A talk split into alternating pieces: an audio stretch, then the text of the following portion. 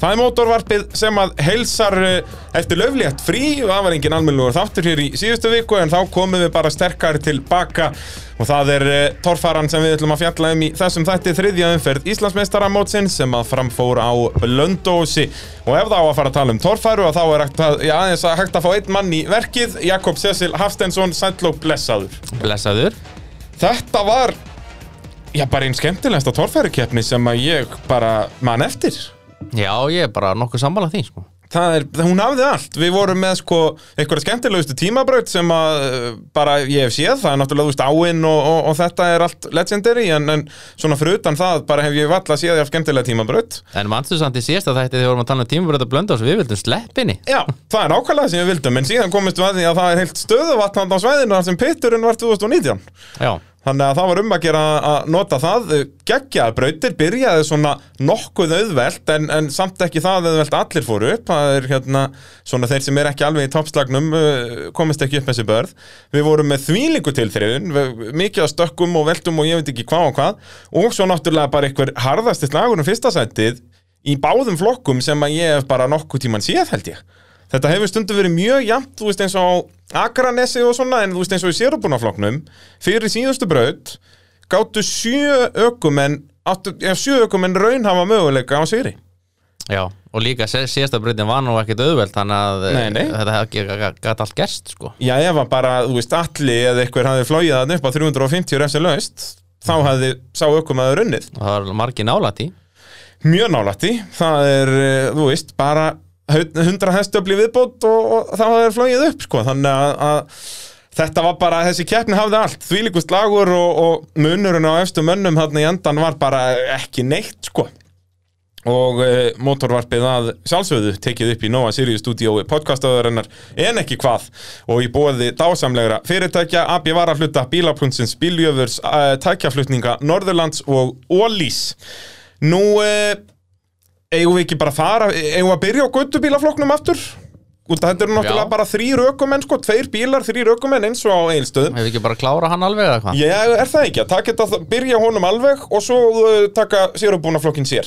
Hljóma vel Það held ég og þetta náttúrulega, ég var, munaði mjög litlu. Hvað var þetta mörg stig sem munaði á þeim í endan? Voru þetta ekki bara eitthvað tíu stig eða Já, eitthvað? Þre- 11 stig eitthvað hlust 13 já Og Óskar Jónsson kom svo að sigraði á Úlfennum.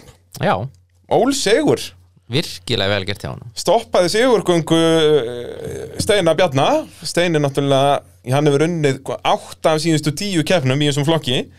Og, og Óskar hefur bara, já hann hefur bara unnið eina keppni fram að þessu, það var hella 2019 Já, líka gaman að sjá hann vinnarinn og samt voru tveir á bílnum hann var aldrei álag á bílinn sko. Já, algjörlega. Og hérna, þeir voru tveiri á bílum eins og segir, Guðbjörn Már Ólafsson svona liðstjórin hjá, hjá Úlf, Úlfurinn Racing að hann kefti, og þetta verður henni bara sama ástæðu á eilstöðum, bara svo að flokkurum myndi gilda. Já, Þannig að Úlfurinn tók þetta bara á sig að láta flokkin gilda og hafa tvo ökumenn á bílnum. Og, og hérna magnaður árangur hjá Óskari og hann lagði líka allt í þetta og, og velti þarna í síðustu braut og ég veit ekki hvað og hvað.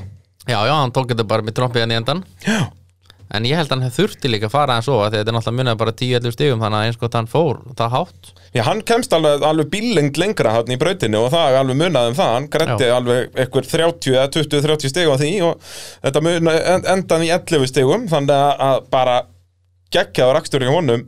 Uh, braut þetta er kannski aðeins og erfiðar fyrir göttubílan það komst engin neina braut á 350 Nei, sérst fyrir utan tímabraut. Já, náttúrulega bara kláraði bara tímabriðin Annars uh, kláraði engin brautinni sem er svona eins og ég myndi, eða mér finnst það allavega þannig í göttubílunum að, þá finnst mér skemmtilegra að brautirnar séu aðeins og veðveldar frekar en en síðan í sérubúna finnst mér skemmtilegra séu aðeins og verfiðar Já, ég held að sé ótrúlega erfitt að leggja brautir fyrir guttubílinni sko. ég held það nefnilega líka, það er hérna út að þetta er náttúrulega megi ekki verið þessi svakalegu börð þú veist, maður vill ekki að þetta sé veltandi að óþörfu og allt þetta en þetta verður samt að vera skemmtilegt Já, og ökuleikni og allt þetta þannig að Já, ég, eins og segi, ég vil sem minnst kritisera sko brautalagningu í, í, í göttubílaflokki því það er sennilega jobbi sem ég myndi vilja gera hvað minnst, fyrir utan að vera dómari að sjálfsögðu.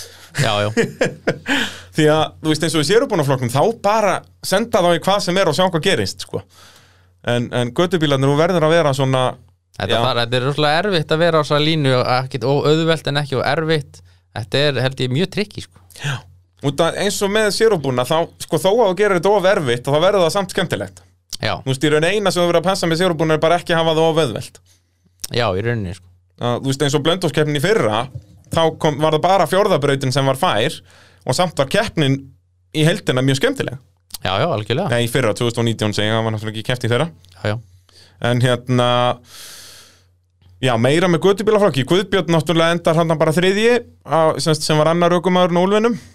Já, og aðalega bara sjátt á Úlfurinn Racing að halda flokknum bara uppi basically, annars það, það náttúrulega þurfa að vera þrýr aukumenn svo að flokkurinn gildi. Já. Hann Úlfurinn tekur þetta bara á sig. Er eitthvað að frétta með fleiri aukumenn? Hvað, hvað er allir, allir bílarnir? Ég, það er spurning, ég heyrði nú haugur þeitingur allan að reyna að vera með í næstu kefni Já, hann var bara, er hann ekki í ykkur basli með að fá varahluti bara, vantar ykkur það, auksla og eitthvað? Jú, en vonandi verður það komið fyrir, fyrir Akranes og þá getur hann verið, verið með þar. Svo veit ég ekkert með orra eða hinna Nei, það er ekki, það er náttúrulega bílinni orra er ekki tilbúin Nei, það held ég ekki allavega, annars var hann sennilega að keppa. Já. Hann Og- kannski, næri kannski í lokin, ég veit ekki. Já. Við vonum það. Það hérna, það allavega þarf eh, þurfum að fá fleiri bíla þarna, þetta gengur ekki. Já, fá svona, þú veist, allavega 5-6 já, væri hugsa, sko sjö bílar held ég að væri svona gullna talan í göttubílafranknum þá væri alvöru slagur og það myndir refsa þér svakalega að gera stór mistök. Og þá myndir enda, þú veist, já, í sjötta og sjöunda seti Já, þá með, ef þú myndir dett út eða eitthvað, þá myndir allan að fá einhver minni stig heldur hún vanur en ekki 15 stig vera að detta út í kannski brauð 2 og lendir í þriðasetti samt sko. Já, og það með þess að byggar held ég, Já. það voru þrýr byggarar Mér finnst það alltaf mjög skrítið þegar það eru þrýr bílar í flokk. Þetta er, Þeir eru duglega sko bæði í torfærinu og í rallycrossinu að gera þetta. Það eru þrýr bílar í flokk og sá sem er í síðasta sæti hann fær byggar Já, Það meikar engan sens. En síðan að já, Óskar fekk náttúrulega til þriða velun líka Svo við förum í velun. alveg rétt. Hann Þannig að það, þeir fóru, Úlfurinn fór heim með þrjá byggara Já, Ekki amalegu pakki og svo náttúrulega mættu þeir strax í rallycross daginn eftir. Já, Að bara geggjað akstu síðrótt að liða að hérna völsuðu bara rútunni þarna á, á lögadeginum upp á rallycrossbrut þeir eru alveg með þetta sko. Alveg með þetta og, og Steini var að sætta sig þarna við uh, annarsæti en hann er þó ennþá með ágætis fórskot í Íslandsmótunni, ég held að hann sé eitthvað er þetta ekki eitthvað í kringum tíu stig held ég sem hann er með ennþá í, í, í fórskot Já, þetta var samt fínt upp á ef við skoðum Íslandsmóti að þá var henni Óskar myndi vinna svo að sé kannski eitthvað smá spenna Já, það, þetta heldur smá lífi í þessu en það er náttúrulega, já, Óskar þyrfti þá aftur að vinna núna á Akranessi Já, og þá er komið, komið alvöru alvöru djús í Íslandsmótið eins og maður segir að það hérna, maður sjá, staðan er Steini er með 57 og Óskar Jónsson með 49 nú ok, þannig að þetta eru hvað er það í stigum, 8 stig á milli? Já Þannig að það myndi opna líka ef að Guðbjörn ef, að- ef að þeir keppa aftur. Ef hann myndi koma að milli þeirra þá, Já. þá er þetta aldrei svo opið. Það þyrft að vera svona liðskipanin hjá þeim í, á Akarnesi að fá Guðbjörnandi upp á milli. Já, ef að, ef að, en Steingrimur er svo sem er lúmskur á, á Akarnesi já, Akarneskeppnin bara núna næstu helgi, þetta Á er alltaf að sunnudaginn. gerast. Já, bara á sunnudaginn núna hérna, við erum á, hvað, þetta eru fjórar torfærakeppnir á fimm vikum? Já. Það er bara vestló sem er frí. Já, já, þetta er bara torfæri marathon framöndan ég með, það, við höfum það ekki. Nei, nei, Ha, þú- svona maður hefði nú viljað fá smá bara fyrir keppendur sko. Já, að En- fá það er náttúrulega, KK-keppnin setur svolítið strikk í reikningin, Já. hún átti náttúrulega að vera þarna í, í bara júni, Já, byrjun júni sko. En hún kemur þarna inn núna bara strax helgin eftir vestló. Maður vill að, ég myndi segja að það er lágmark tvær vikur sem ég finnst að eiga að vera milli svona keppna allána já En ég minna þetta er svo sem alveg þekkjum þetta alveg svona úr sögunni hérna Já, já. í kringum aldamótin að þá var, þá var keft í Íslandsmótunni sem var kannski sexumferðir og svo kom Formula Offroad Open sem var svona byggarmótið Það er tvær umfyrir við bótn alltaf. Já, tvær eða þrjár Já, stundum sko. Stundum voru þetta níu til tíu keppnir á tímabili semst allt í allt. Og þá var semst Formula Offroad Open gildurinn allar keppninar í Íslandsmótunum pluss þessar eh, tvær, þrjár, fjórar ofan á. Já, Þannig að þetta er bara alvöru já, já. halda þessum mönnum á tánum. Þetta, þetta verður alltaf einhver áskorun fyrir þá núna næstu fjóra vikunar Já, heldur betur. Og bara svona lengi sem þeir eru ekki að skemma skilur um mótora og skiptingar og eitthvað svona sem þarf að panta erlendis frá Já. þá geta þeir gert við hvað sem er. Það er, þú veist, þeir getur rústa veltibúrum og öllum pakkanum þeir geta alltaf smíðað upp á nýtt á viku Já, maður hefur nú séð nokkur skipti menn uh, gerir bara búið til líka við nýjan torfarabíl bara á, á nokkurnu Já, dögum. bara á nóttu bara, Já, þú veist, já. var ekki þeir hérna í storminum gerði þetta það ekki á eigilstöðum eitthvað tíman, skiptum bara eiginlega helmingin af veltibúrni, þess að annan aðalbúan Já, og líka fjölnir hérna á Akkúrat. 2018 sko. Akkurat, á eigastöðum var það ekki bara líka 2018 sem þú voru með stormin, voru þetta Jú, ekki við ekki svona tvö hálfgerð ný veltibúr Já. daginn eftir? Jú, jú. það var verið að refsa öllum söðuvélum í, í plássinu þarna þann, það, það kvöldið. Þetta er beauty við torfæruna og eða bara allt motorsport eins og við sáum líka í ralleikursinni gera það hjálpast allir að. Við heldur betur, það var dásamlegt það er að fór vélhanda hjá Team 99 það voru bara allir papparnir mættir að hjálpa að gera við Já. Þetta var dásamlegt Eh, Mótorvarpið í bóði AB varahluta og þeir eru að sjálfsögðu með vestlænir út um allt land eh, minni á first.is því að það eru gæða Já, gæða vörur þar, efnavörur og ég veit ekki hvað og hvað, allt bara frá sjampói yfir í ykkur feiti og, og ég veit ekki hvað og hvað. Og eh, er komin sér vefur með það, first.is og uh, flott netverslun þar inn á og alls konar kynningar á vörum og náttúrulega mánaðarlegt tilbóð, einsinn á ab.is, þar er alltaf uh, já, vörur mánaðarinn sem eru á tilbóði um að gera kíkja á það á internetinu og svo náttúrulega skella like á Facebook hjá AB varalhutum því að það eru dásamlega rauðlýsingarnar þar hjá þeim Hápuntur og lágpuntur kjarnar Er ekki bara uh, lágpunkturinn bara sama á eigastöðum bara guttubiflokkur Já, hérna keppenda, sem sagt, hvað eru fáir keppendur? Nú Já. fengum við þá allavega slag, það Já. vantaði náttúrulega á Það eilstöðum var en, enda ekki sko en ég er sammálaðir þar að- Annars held ég að sé ekki neitt annað neitt Nei, lágpunktur og annað, þetta var bara, jú, náttúrulega, heyrðu, það slasaðist náttúrulega eitt flaggari sko. Já, reyndar Það er nú alltaf leðilegt. Já. Þegar að, hérna, En ég held að hann séu nú að braggast sem betur fyrir já, þannig þetta var einhver tóknun og Já. hann var á, hérna, bara, semst, var alveg útskrifaður á spítalanum Já, og allt svoleiðis og, og, og ekkert eins og sé, hann er ekkert brotinn eða, eða svoleiðis að mér skilst. Þannig að eh, allt í góðu, allt í góðu þar. En hápuntur, ég meina það, það hvað er að byrja? Er það ekki bara unnið það sem við erum sögðum bara í byrjun bara geggju keppni mikil barátta og, og bara geggja brautir og bara allur pakkin sko. Ég held það, bara, það er í rauninni ekkert slæmt. og blessu sólin Og já, veðrið ofan á allt líka, hérna, þetta var bara, þetta var paradís, það er það sem þetta var. Þá, hérna, ef að þið voruð ekki á staðnum en viljið horfa á þetta, þá er nú ennþá hægt að kaupa aðgang að beinu útsendingunni á motorsport.is þó að sé sennilega best að já, ég veit ekki hversum lengi það verður aðgengilegt inn á motorsport.is því að það verður, jú, jú, við höfum alltaf takkað þarna bara fyrir það. Því að við náttúrulega, þegar þessi loft, þáttur fyrir loftið verður við sennilega byrjaðar að auglýsa Hakarnæstorfarana því að það, hún verður líka í beinni. Hveti alla til að kíkja inn á motorsport.is og eh, tryggja sér aðgang að streyminu þar. Nú, eigum við þá ekki að færa okkur yfir í sérubúnaflokkin bara? Er það ekki?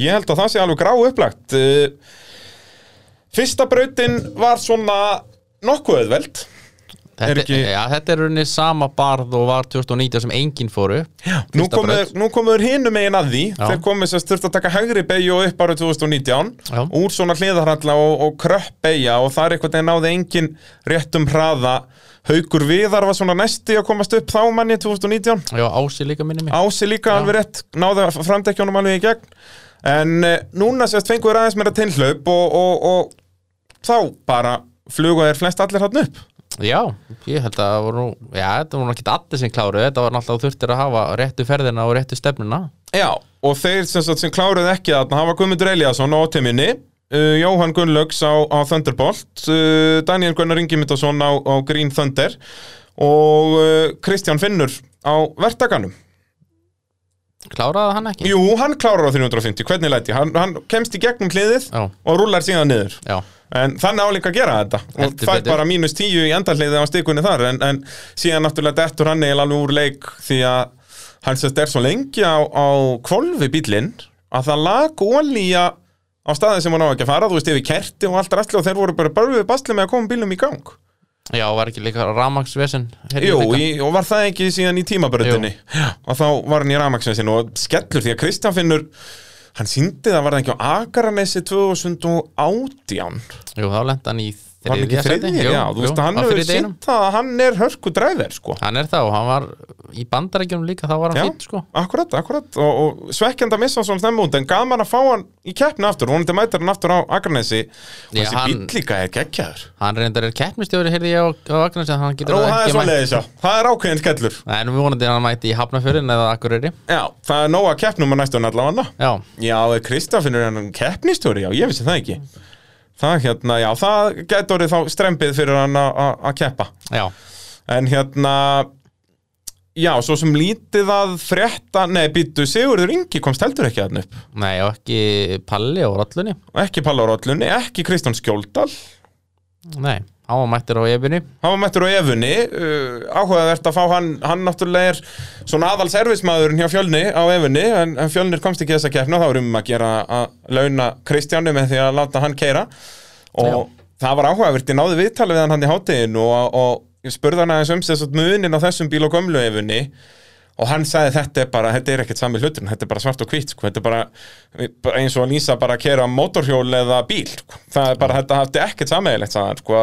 gamla Evan var bara út um allt og þú gast ekkert stjórnað þessu og þarna er þetta bara, náttúrulega um leiðum að komin svona lár þingdapunktur og þó hann sé ekki með alveg ofurbeigurnar, er hann samt með betri beigur en gamli og, og bílinn, hann talaði um það, hann gætt bara stýrt bílnum í rauninni. Já, sem hann gætt ekki á, á gamla bílnum. Ja, fjölninni mitt fann líka rosalega mun á eigilstöðum þannig að þetta virðist vera að virka. Já, þetta er svona þessi norska fyrirmynd eins og, eins og bara Simbi er. Þetta er svona byggt á Two Insane bílnum eða ekki? Jú, er það ekki, svona annast maður, maður myndi, myndi halda það. Uh, Já, annars fóru flest allar hann upp en svona þessi nöfn sem vorum að nefna hafna þá í rauninni út af slagurinn var svo harður að þá væri hann aldrei séns fyrir þessu ökum en að berjast á topnum Þeir eru búin að tapa þarna rúmum 100 stigum strax í fyrstu breyt og þú veist, auðvitað hugsuðu þeir það ekki þá. Nei, nei. og það var öll keppnin eftir en þegar maður horfður á þetta tilbaka þá einhvern veginn þeir gátu, já, illa unnið þessi stig tilbaka. Já, í rauninni sko.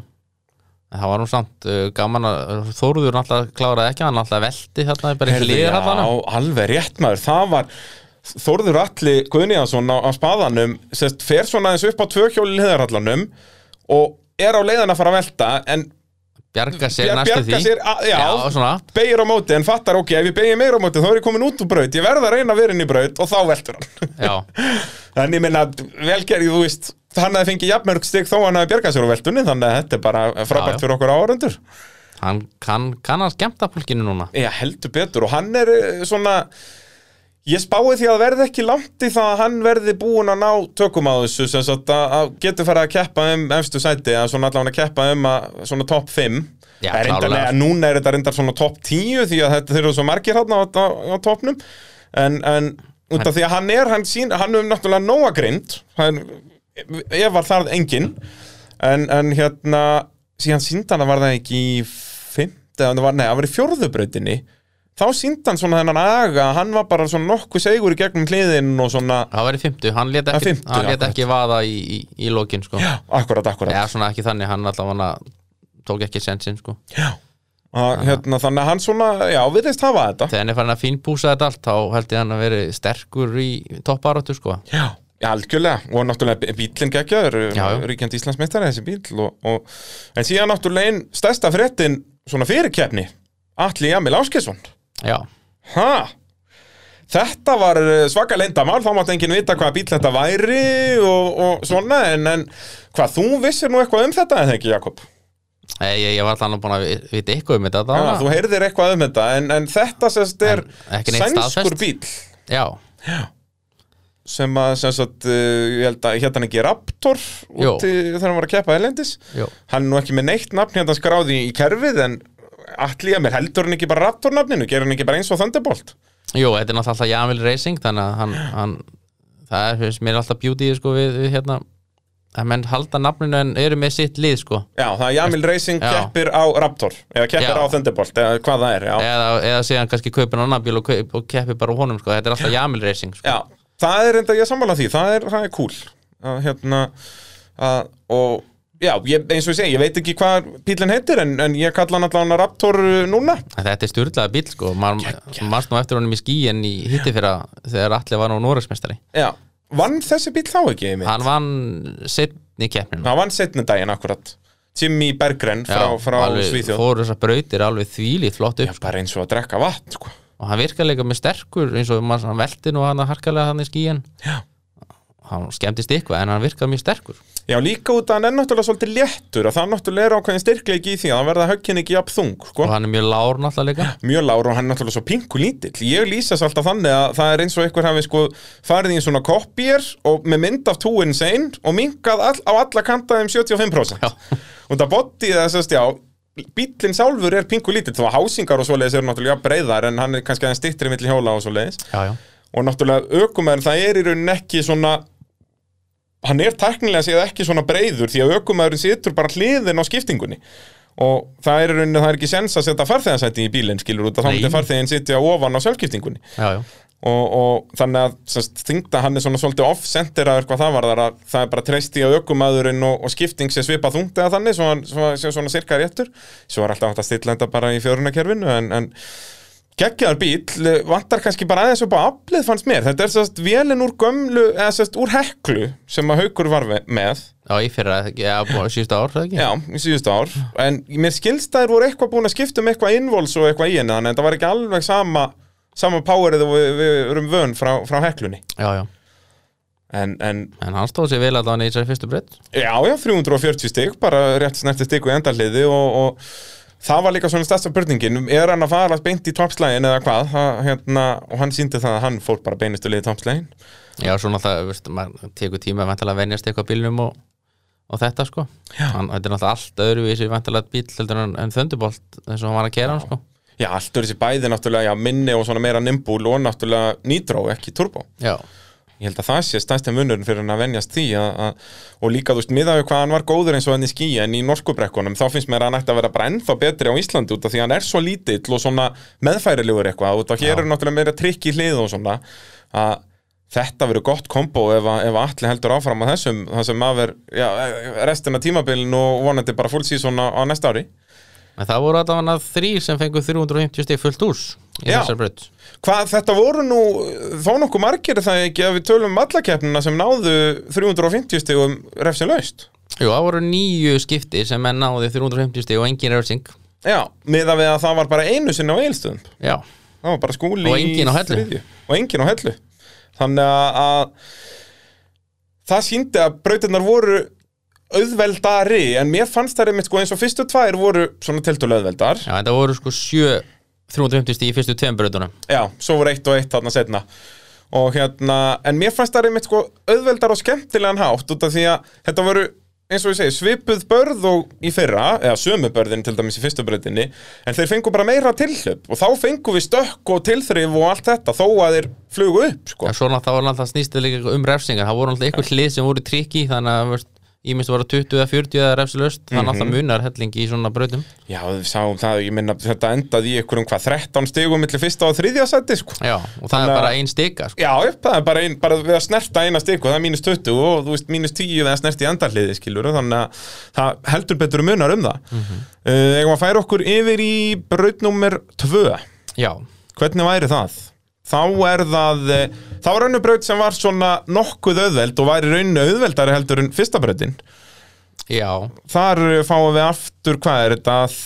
Er þetta fjögur 350? Nei, þrjú, jú, fjögur. fjögur 350 refsi laust. Það sett uh, skúli, ási, snorri og haugur Já. Og, og, En Sigurður Ingi komst ekki aðna upp. Ég skil ennþá ekki alveg af hverju hann komst ekki aðna upp. Nei, hann settist þetta eitthvað á kviðin hann hefur bara Ég er bara mann ekki, ég er ekki búin að skoða er, með hann er nefnilega með, sko, var með fínan hraða Já, já.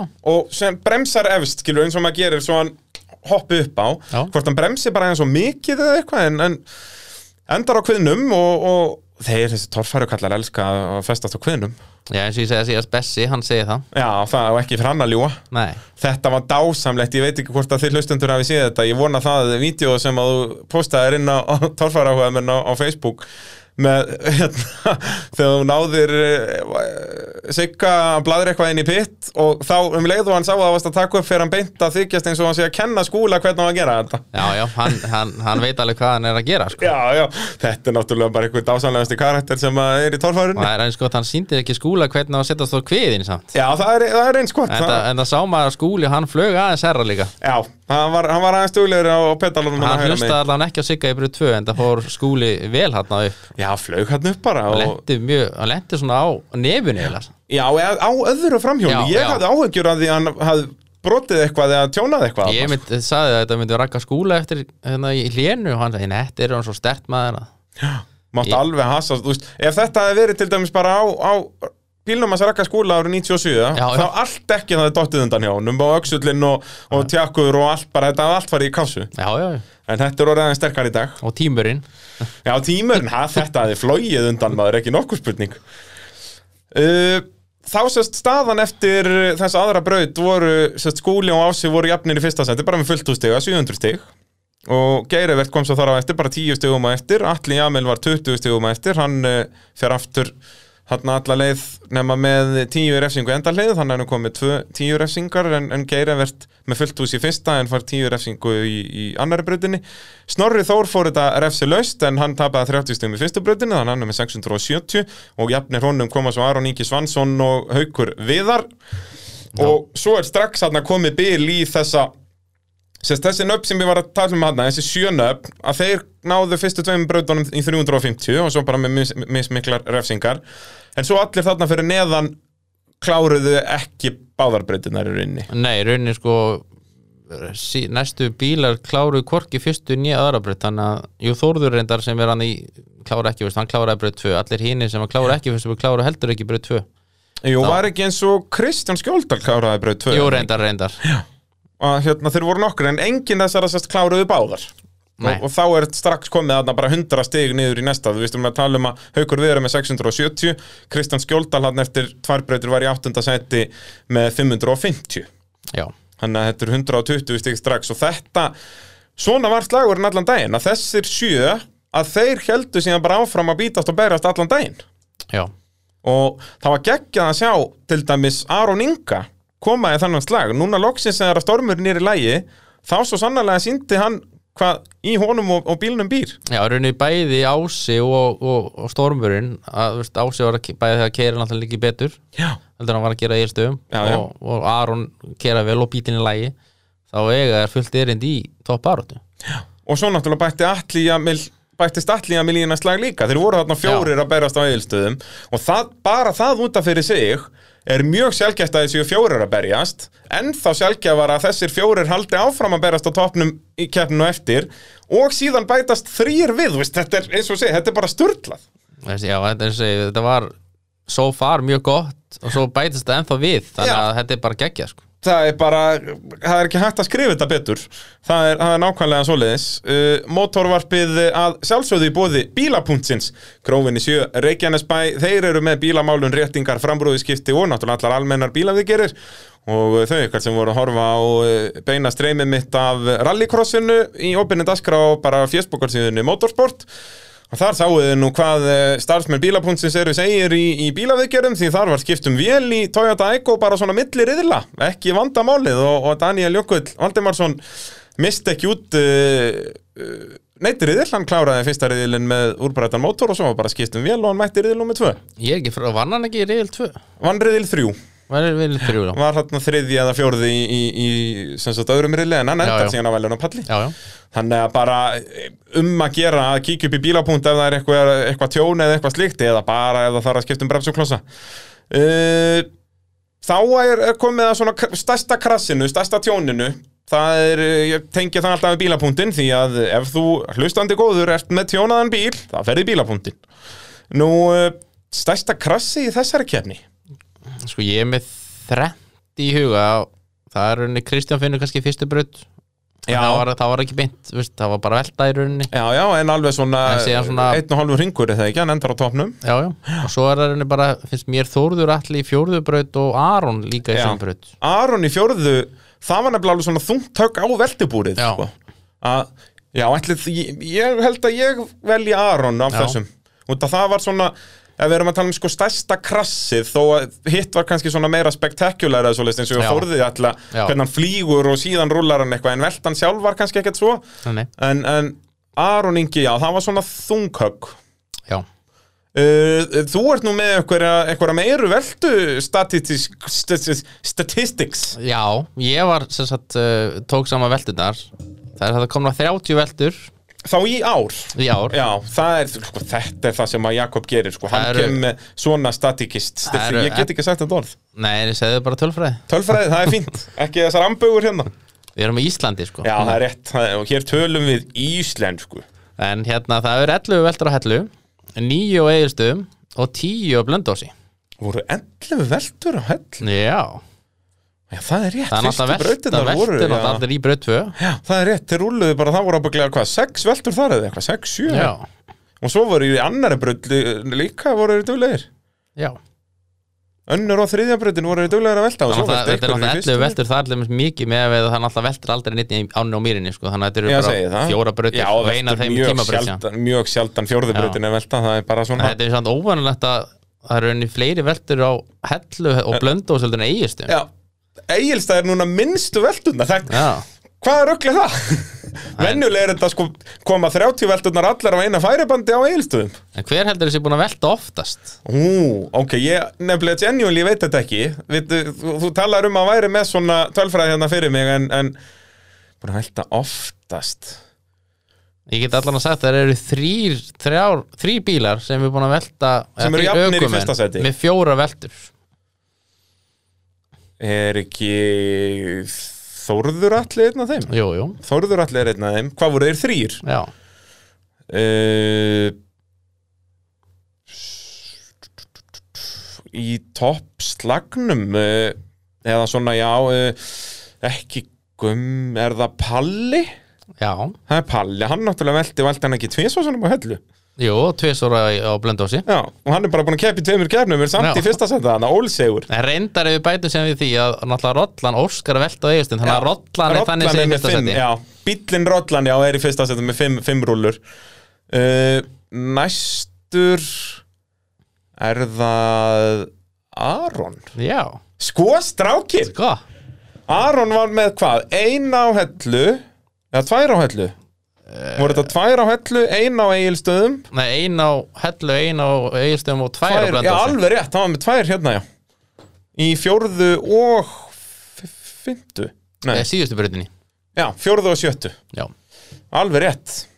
Já, þetta gatt strákurinn. Já. en það er Rollan sem er þó í fyrsta sæti í, í bílónum í rauninni, já. Já. Svo kemur Thunderbolt með Svo þrjár kemur Thunderbolt, já, já En, en já, við skulum gefa Palla þetta líka sko, hann sé sett út að hann er náttúrulega búin að náða þessum árangri bara í tveimur keppnum Já, og Aron ætti þá að vera í öðru sett að hann er búin að gera þetta í, í færri brautum líka sko, Já. hann náttúrulega datt út bæði á hellu og eilstöðum við erum að gera þetta eins og í fótboltanum sko, að Já, þetta er í- jafnt. per leikur sko. þetta er per mínútur Já, per sko. mínútu. já, já, þetta, þetta er svolítið svoleiðis og, og þá er hann hann þá er Þórður allir verið að setja sig við þriðasætti eins og er en hann, Þórður, reyndar þú ta- getur rifið þig í gang Ég reynda að tók ekki, ég taldi þetta ekki sem veltu hann á eiginstöðum, hann í, í veggunum Ég fannst hann, hann fór ekki alveg nóg mikið á hlið á mínu mati í, já, já, ég Ég, sammála ég því. er náttúrulega veltu nefndin eins Já, og þú talum ert, síðast. já, við, við erum búin að ákveða það hér með að þú sért sagt, svona eins og við að gólpanel í fótboltanum, Já. svona gæðin sem ákveða hvort þetta sé sjálfsmark eða alvörumark að þá ert þú gæðin sem ákveður hvort þetta sé velta eða En ég taldi þetta sem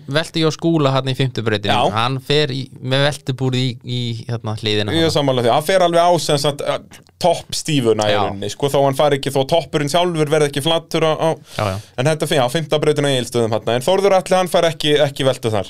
Nei, en hann er samt með þrjár Já, já, hann er ólsegur fjórar? Fjórar, hann er í, í fyrsta sæti, Já, sko, með þeim En ég ætla að setja hann samt í þriða sæti, sko, út Já. af því að þetta er svolítið metnaðileysi hjá honum að hann er búin að mæti allar brautir, sko Er það ekki rétt að mig? Ég held að Þórður allir að mæti allar brautir á tímabilinu Já, en síðan eitt skemmtilegt að hann Hann var að klára sína fyrstu braut Í brautum og tvö, hann er aldrei klára braut Það er rétt, það voru fyrstu 350 Fyrir fyrir utan tímubraut sko. Þetta var fyrsta Já. skipti sem hann kláraði braut Jakob Cecil Haftinsson er mættur í stúdíu og döðum mínur og herrar með, takti, með, með ekki með tölfræð, þarna ætla ég að fara að blanda þessu öllu saman. Já, já, þetta er, er ekki mönnum bjóðandi hérna. Áður en við myndum fara í brautum með þrjú Þá er hann fyrsta skipti sem hann klára braut Sér þetta nummer tvö. Og hann fær hérna þrjú, hvað er að með í refsingu? Þóriður, hann er með 20 bara refsingu þetta er Já. 330 stig, bara bing, bara búm.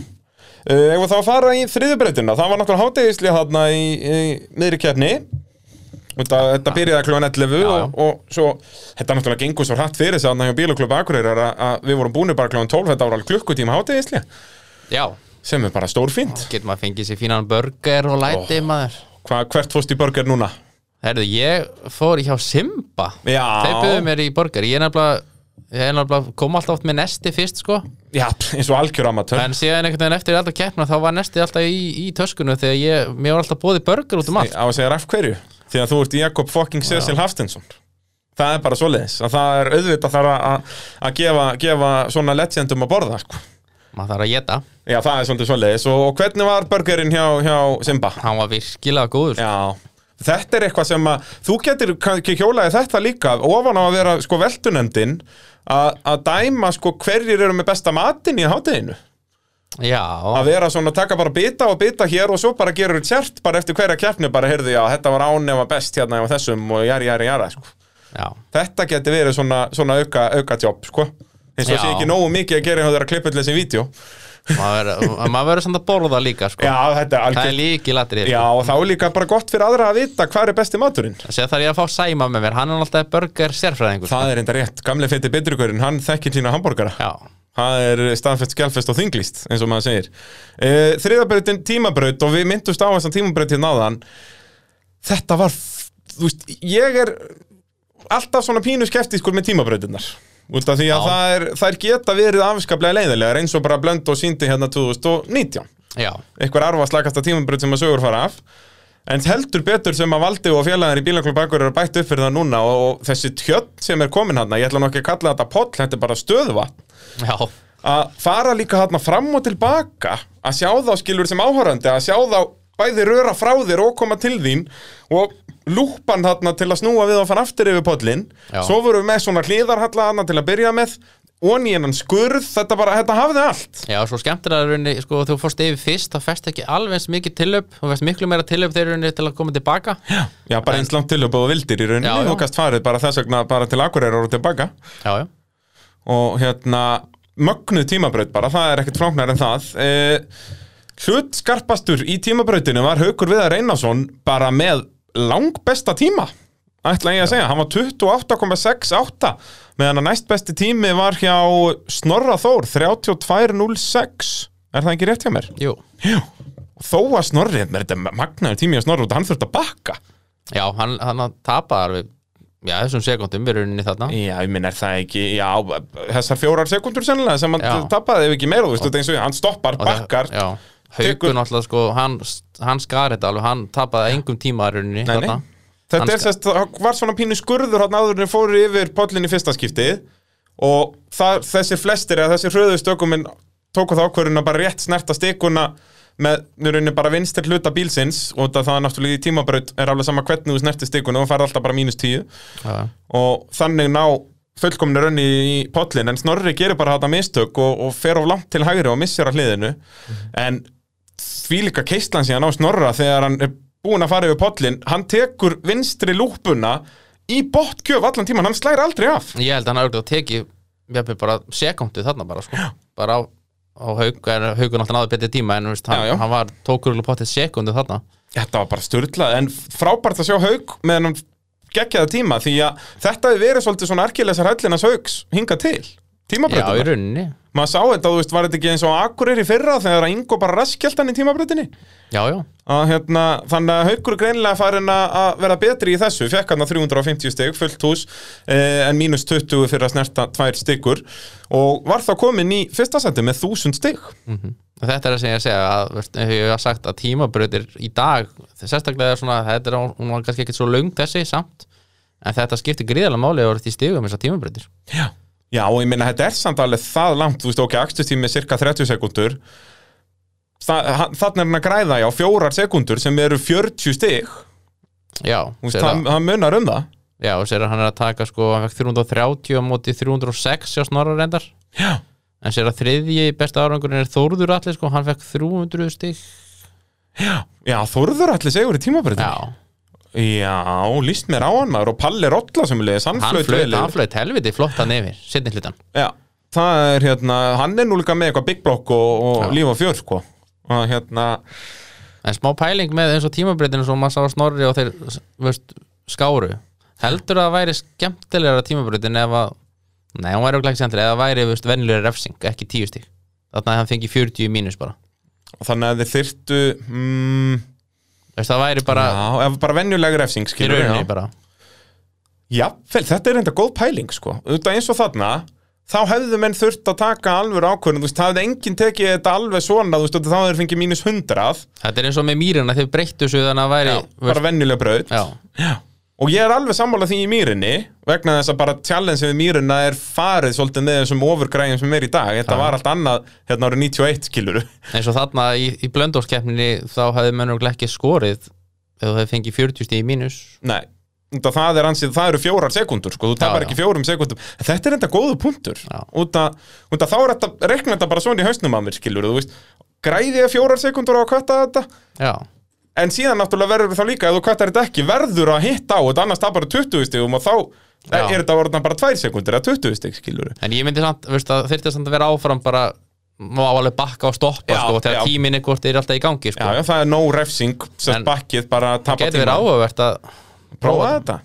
Þetta væri reyndar martröð fyrir dómara. Já, reyndar. Að reyna, það er alveg nógu mikið vesen að dæmi þetta þegar þeir eru á litlum hraði í brekkunum en þeir eru komnir á eitthvað yfir 60 km hraða það þyrfti þá að vera bara dómari bara með hver með si- sitt hlið í rauninni, þyrfti að vera Já, bara einhverju sjö dómarar en hérna, en Þetta er áhugaverð pæling. Já, að þá myndi ég líka gera þetta bara þannig að við erum mitt með nokkrar svona svona ákvarðanir fyrir aukuminni raunin að þú getur annarkvort hossast rólega yfir þennan hól eða tekið stikuna og farið flatt átt þú veist, alls konar svona dæmi. Já, að þetta er áhugaverð pæling. Ég held á Akaranesi mér skilst það, ég, þetta er nú ekki staðfest en, en út af það náttúrulega það svæði býður engan veginn upp á tímabreytir og við hefum séð það í, í hérna og nema þess að komið stöðu vatn þar líka. Já, það er vonandi að ná að pumpa inn bara góðu stöðuvatnið þarna En hérna, mér skilst að það er ætlið þá bara að sleppa tímabröð og vera með bónusbröður í staðinn. Já, mér finnst það reyndar geggja því að maður sér eins og til maður sér rallycrossi líka og óbjöleið í rally sko, það er 321 sko Já. að menn, þá leggja menn áherslu kannski á þessa braut.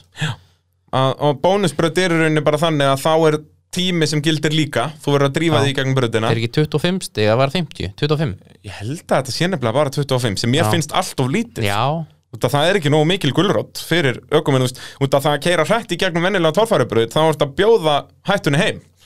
veist, mér finnst að þetta að vera bara eitthvað að sérst, tímaelementið er bara að þú byrjar bara með 300 stig og svo bara minkar það um 10 stig við hverja sekundu eða eitthvað skilur. Já, þannig að þetta sé bara, þannig að þú kerir þetta á 15 sekundum að þá er þetta 150 eitthvað svoleiðis.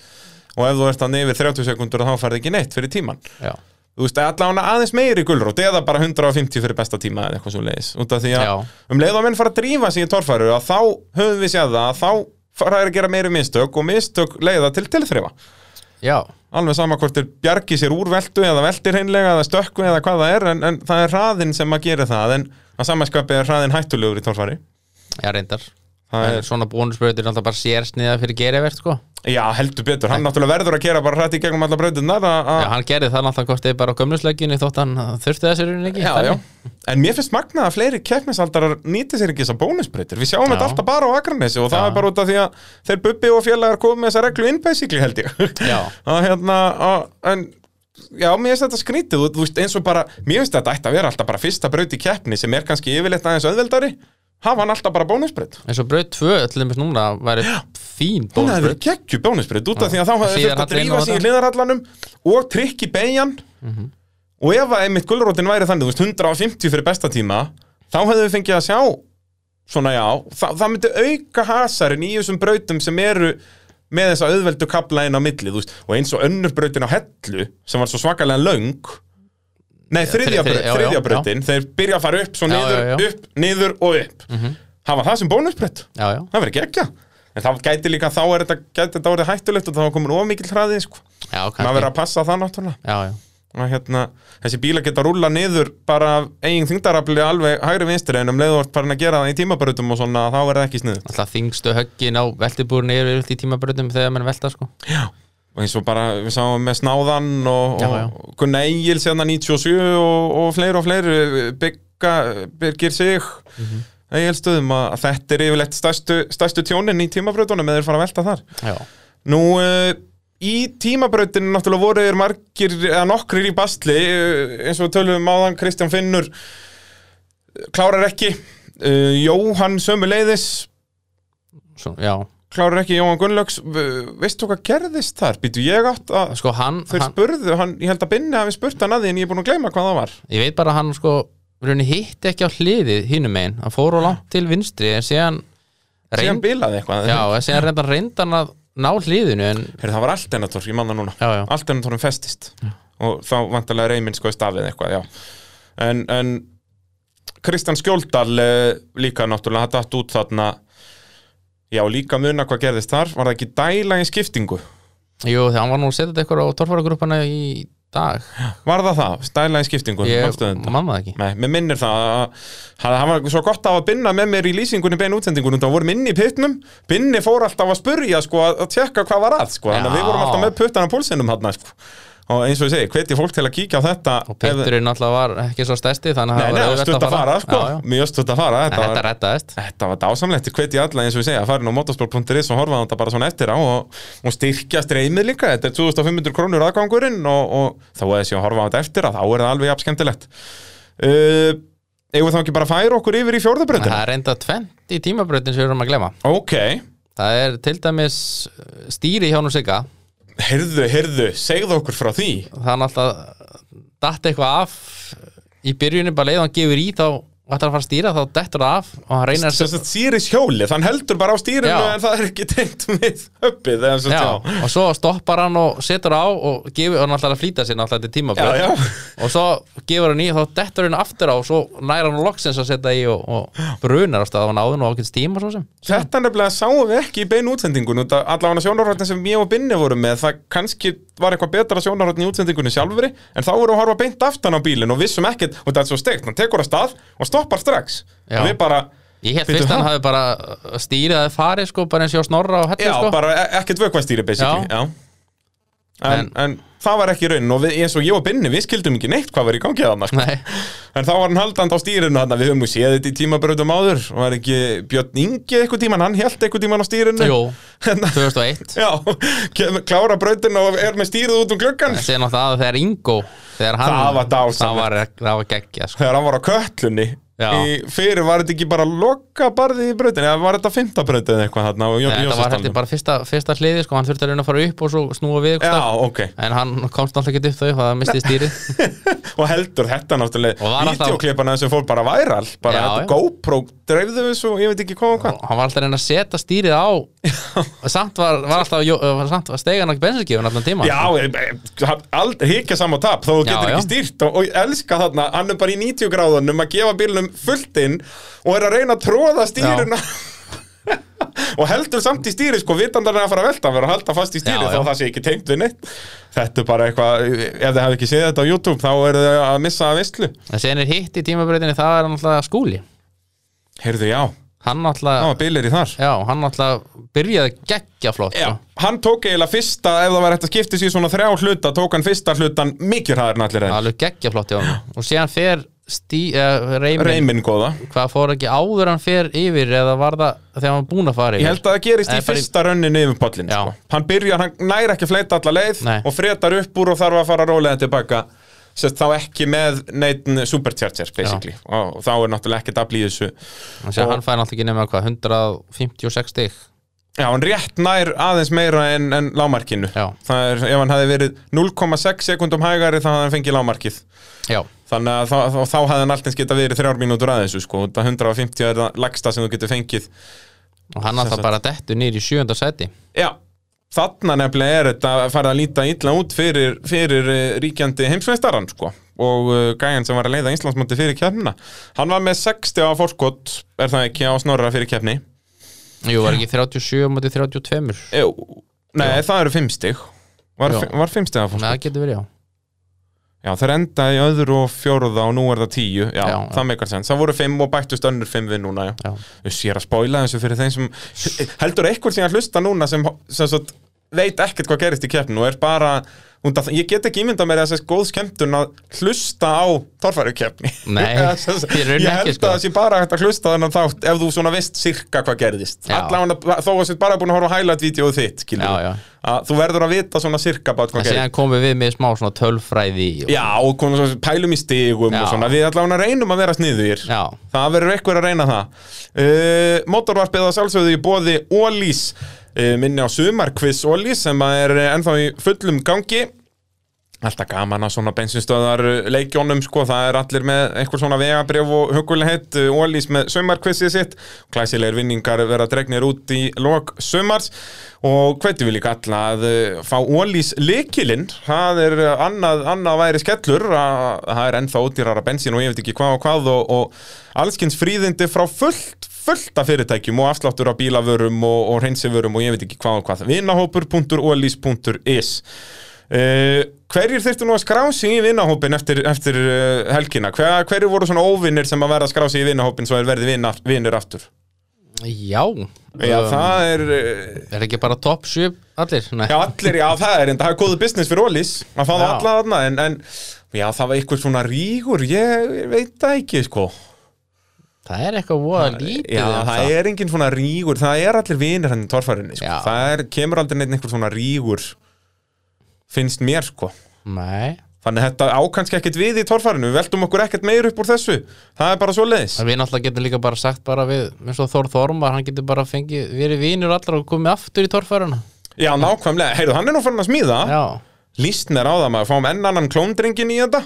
svo er náttúrulega Ingo eitthvað að pæla að smíða og Já, Paldið við myndum, við bæta við Ingo og Þór í þessa baróttu til dæmis? Ef að þessir sjö og, og, og fleiri, ég meina, þú veist, Jóhann Gunnlaug síndi það á eilstöðum að hann á alveg hérna á alveg verið í þessum slag líka.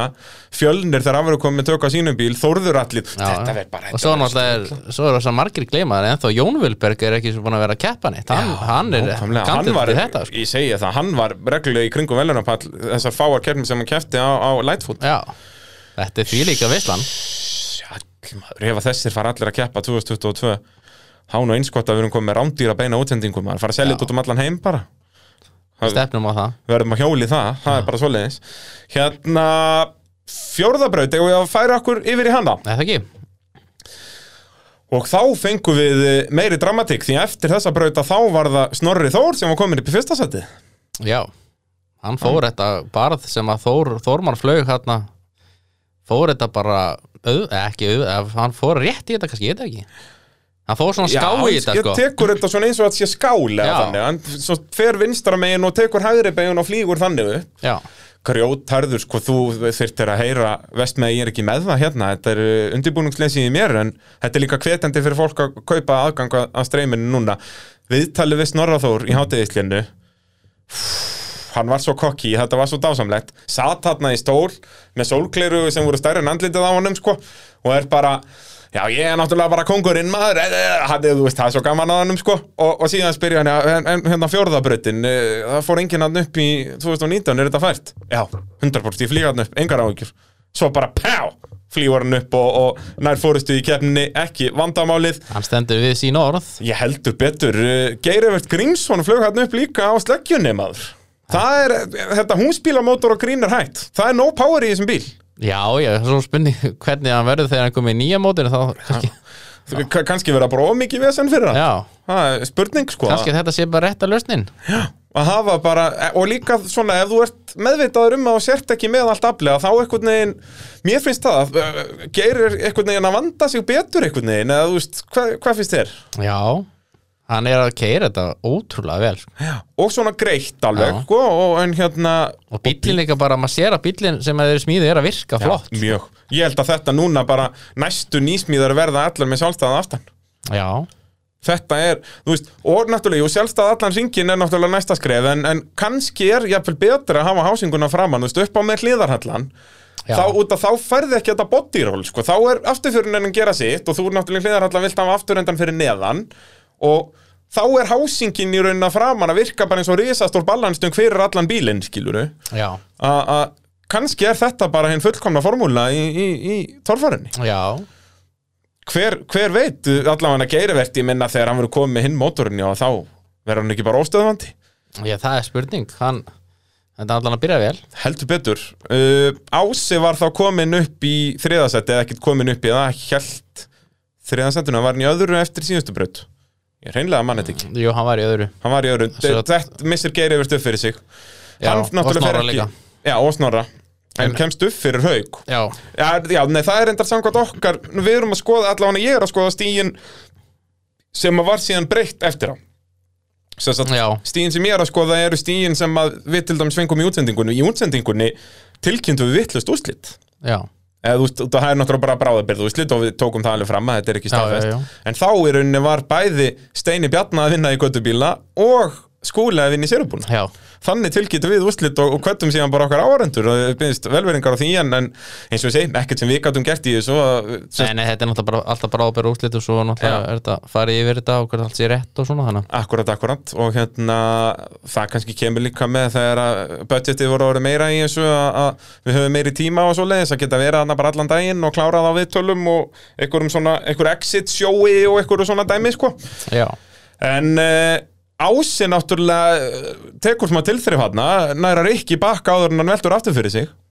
Já, var- virkilega vel. Já, þetta, ég hef alltaf Mér finnst þetta alltaf svolítið sexy í torfærinu Þegar menn eru komnir yfir 90 gráðunar og Rikki bakk, þetta er svolítið svona old school maður sér þetta ekki mikið núna. Ég fannst allavega meira þessi gamla þetta Já, Raki Róberts var duglegur í þessu á tíma. Ég man, þegar Rikki gerði þetta hérna í Grindavíkurbrautinu frægu 2001 Já, já, ég man, þú veist, að pappi var alltaf í servis á honum sko, að Raggi, þetta er bara eitthvað stærsta tjón sem hann nokkuð tíma gerði á þessum bíl. Já. þú veist, að framhásingin er svona einn af þessum dýru hlutum í torfæribílum, þú veist, að tala um vélskipting og framhásing séu svona stærstu hlutinir A- a- og hann rústaði framhásingunni það, nú Það það var þetta er svo þungt högg. þá varum við vika í næstu keppni þar líka. Jep, það er nákvæmlega svo leis og Gunni Trúður gerði eins og hann kútvelti bílnum aðna bara og, og skekkt hann allan og ég veit ekki hvað og hvað og, og það var bara vika í næstu kefni en það er nefnilega og eins með þetta að í eiginlega öllum tilfellum þegar menn svona reyna að bjarga sér úr veltu hvort sem það er með Rikki Bakk eða beigja á móti eða eitthvað svona þá enda þeir á að tjóna bíli sinn meira. Já, út að bílar tjóna, þessi torfæri bílar tjónast ekki neitt við að rúlla eitt ring já, já. Þú veist eins og þarna með ása ef hann hefði bara, þó hann hefði lent í bremsu eða gjöf og farið aftur fyrir sig og rúlaði til ring ég held að það hefði ekkert gest fyrir bílinn. Nei, og líka þetta, er, þetta var líka þannig efni sko, þetta var svo soft efni og bratt, sko, þannig Já. að það var, þú veist eins og maður sá með þórðinga sem að rúlaði þarna Já, já. að svona bara moldin gleifti bílinn einhvern og veginn Palli bara, líka, Palli á rollinu að vera með svipa akkurat, akkurat. Hann fórum með svona aftur fyrir samt hliðin sem rúlaði hann bara svona venjulega sko. Já, rúlaði semst á hliðinni í Já. rauninni, já, bara svona smekklega rúlur Já, það var nóga tilþrifun í þessari fjóruðbraut og eins og við töluðum um að þetta var semst lokabrautin árið 2019 já, Þannig að, og þá var þetta ókleift en þá aftur núna fengu þeir meira tilhlaup og þetta er það sem ég fíla svo að, gefa þeim alveg tilhlaup þannig að þó að þetta verði þá léttara þá fáum við samt þessi tilþrif að bílarnir fljúa upp. Já það, líka, það var líka alveg fóru allir í lokabarðirunni og þetta var, þetta var bara einn hóll og svo bara hliðaralli, trikki hliðaralli sem mjög var trikki svona refsingar sko en með svo 2019 þá fóru upp semi erfitt barð. Og það er nokkur sem veldu bara í því barð og komusturinn Já. aldrei að loka hliðinu sko. Já, Ingúla Guðvara sem tapaði sigrið þarna. Við að velti í fyrsta málinu. þetta var geggju uppsending að, þeir- að fóru allir í lokabarðirunni og gaman að sjá um mitt keppnisaldara Valda og félaga í, í Bílaklub Akureyrar að svolítið læra af ég ætla ekki að segja mistökum út af því að keppnin 2019 var algjör snill en þeir, þú veist, og Valdi talaði um það við mig um morgunin að hann vissi það alveg að breytina voru aðeins á verfiðar 2019 þannig að hann bara dæjaði þetta aðeins tilbaka og mér fannst þetta bara eins og sé þetta var fullkomið já mér finnst líka bara geggja ég heldur hefur bara lagt brautinar á þrem klukkutímum sko. Já, þeir mættu þarna bara á, var það ekki bara á fimmtudegi eða föstudegi og bara rulluðu þessu upp og, Valdi Já. var yfirleitt bara live á Facebooka með hann að Jónas og félagar voru hann í já bakgrunn fannst mér, mér finnst líka geggja að hann var oft live, mér finnst það geggja sko. Já, tók hérna pitt-rundin um Já. morgunin og allt þetta. Þetta er bara frábært. Og eins og sé Bílaklubur akkur er þvílíkar hósið sem að þeir eru að skilja fyrir þessa keppni. Þetta er bara mergjað. Algjörsneitt og bara blöndósi líka bara kannski komið til að vera Já, mér finnst þetta líka svo þægilegt Þetta er bara svo miðsfæðis eitthvað. Þetta er, er bara klukkutími fyrir þá akkureringa að mæta og bara þetta er tveir og hálfur þrýr fyrir okkur hinna og, og þetta er fín dagsverð frá Reykjavík Ég segja það, þú veist, þú getur leikandi verið að leggja stað þarna bara kljóðan 9 morgun eða eitthvað og, og svona kannski 8-9 og náð keppninu kljóðan 11 og Já, þess að ég náða með þess að klippa vídeo og ég fór heim og ég var samt kom, ég var komin heim hálf tólf. Já, það Já, er samt, þú veist, ég var, ég var komin heim bara kljóðan hálf 8 sko, en við náttúrulega röruðum beinti eftir keppni og, og hérna Þannig að þetta er enga stund að keira Passa Nei. bara að segja blöndóslökunni Já, það er ég bara keira á 90, ekkert kæftæði Nú, uh, Ási er þá hann í þriðasætti Haukur Viðar er með réttu þegar þarna er held ég í er hann á undan, þeir eru jafnir hann, sko, Geirivert á sig eru báður með 1236 stig. Já, Uh, ég veit ekki, nei, ég held að það voru bara þetta munaði bara 20 stigum. Nei, hann, hann er ennþá þarna í fjórðasætti haukur viðar með réttu. En Skúli er búin að vinna sig upp í fymta uh, Atli Jamil, hann fór vissulega þarna upp en fær 90 í refsingu.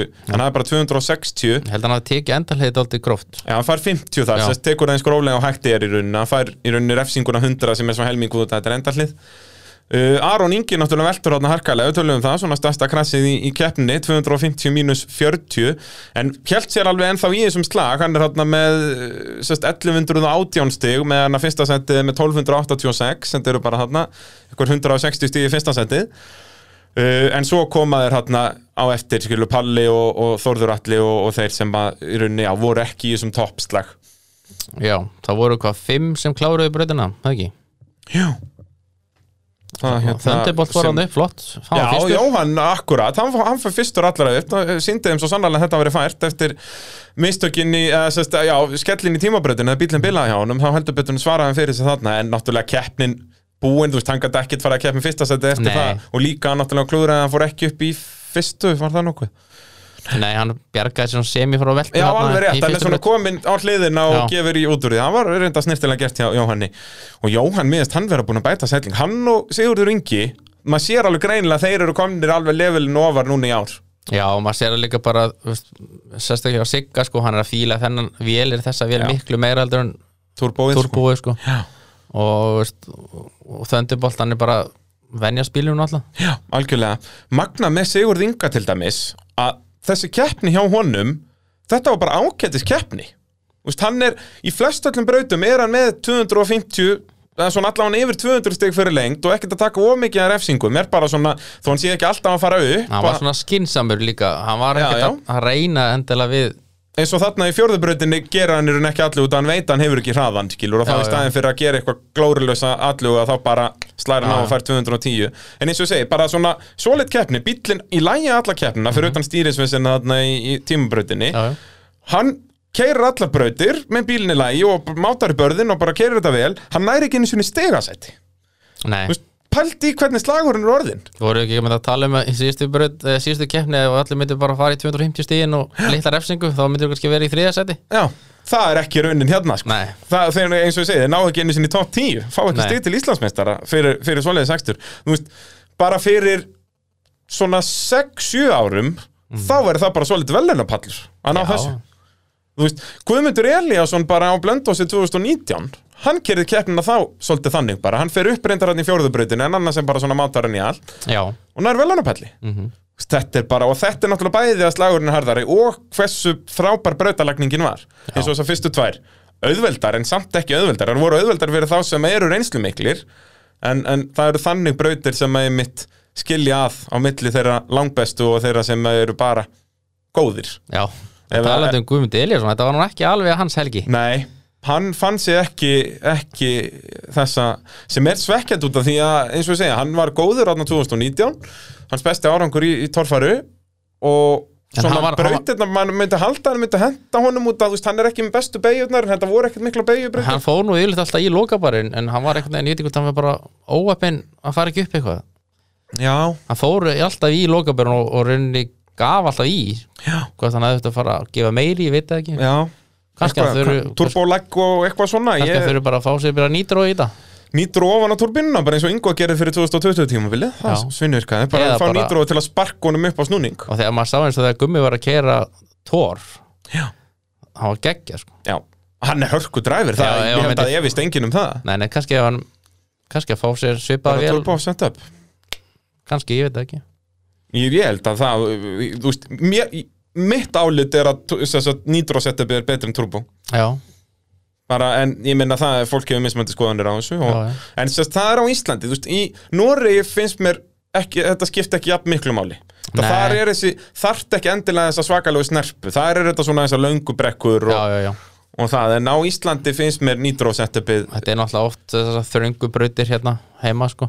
Já, og svo einmitt þetta og svona stuttar brekkur og svona og þarft að nýta allt tilöpið sem þú færi sko, frekar enn í Noregi þegar þú ert bara að slá af ef eitthvað er þegar að uh, stærstu brekkurnar eru annars vegar.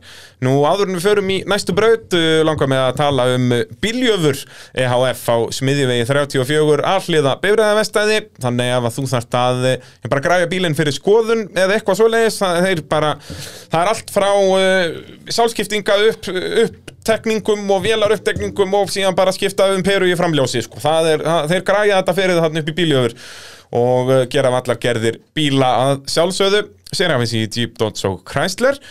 Uh, um að gera að kíkja upp í bíljöfur en við ætlum að tala um fymtubrautina og uh, má ég sjá, er ég með þannig hér fyrir fram að mig, já, mér sýnist það nú. Og þá uh, var það skúli sem að náði fyrsta sættinu fer þetta refsilaust? Já, Þetta var mjög skrið, það kom mér sem áhörunda jafn mikið á óvart og það gerði Palla Rollu þegar Palli veltur hann í fyrsta barðinu. já, þetta var Ég held að þetta sko, þetta var mjög löst undir og svo var þessi bakkin alltaf var að bæla betri eftir sem fleiri fóru í hana Hún, þetta, hún kerðist vel til. En maður sá það samt, þú veist, hver var það sem komst síðan ekki upp hann þegar margir voru, var það Jóhann Gunnlaugs? Já, Siggi fór hana settist á kviðin hana og Gummi líka á ótemjunni þeir voru nefnilega nokkri, þú veist, eftir að þeir voru nokkri búin að sína að það er alveg hægt að gera þetta, Já. þá komu nokkri og síndu að þetta, það er samt ekkert hlaupið að því. Nei, menn voru að velja, menn völdu að fara hægra megin í þetta Já, og svona skakt, sko Já. a, a, og það var held í líkillin að eins og Palli síndi, þú fer bara beint í þetta þá bara slæðir allt saman og þú fer aftur fyrir þig Já, þú verður að leifa fjörunin að vinna skiluru dekk fyrir dekk að leifa fyrst hægra framann og síðan vinstra framann svo hægra aftan og, síðan var loka bara stundum fannst mér að það væri að batna stundum var að vestna Já, þetta er mjög spes það, sko, ef þú horfir á þetta frá hlið þá leit þetta bara út fyrir að vera svona smá brekka. En Já, já. það var alveg barð þarna í miðjunni og svo svona moldar haugur hann ofan á. Já, maður sá að myndi að Ási fór fyrstur í þetta hann myndi lendið í því að hann uh, afturhjólinn fóru neðst í barðið. Já, og gripa eiginlega bara alveg svona bara stoppaði allan hraða og, og þannig hann satt fastur hann bara með Já, hann er 250 sett í bakkirinn Já, ekki ósvip á fjórubreyt en en kannski ekki, alveg já, hann er inni þurft ekki á því að halda Nei, nei. Nó bara, hann, bílinn hafði rúlað sest, uh, hérna bara fríhjólað niður í Mhm. rauninni en, en alltaf kúla skell í bakk Það er svolítið svoleiðis. En Skúli Kristjáns kemst þarna upp í fyrsta sæti með 350 stigum. Uh, Snorri Þór, hann nefnilega kemst ekki þarna upp. Hann fyrir til dæla snemmi í brautina. En Já. mér finnst það samt eiginlega ekki afsökun.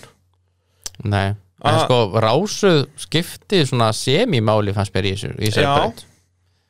Að En- Skú, Snorri hafi verið óheppinn þarna. Já, það er svo sem rétt. Hvað fer hann? Fer hann fjórði í brautina eða?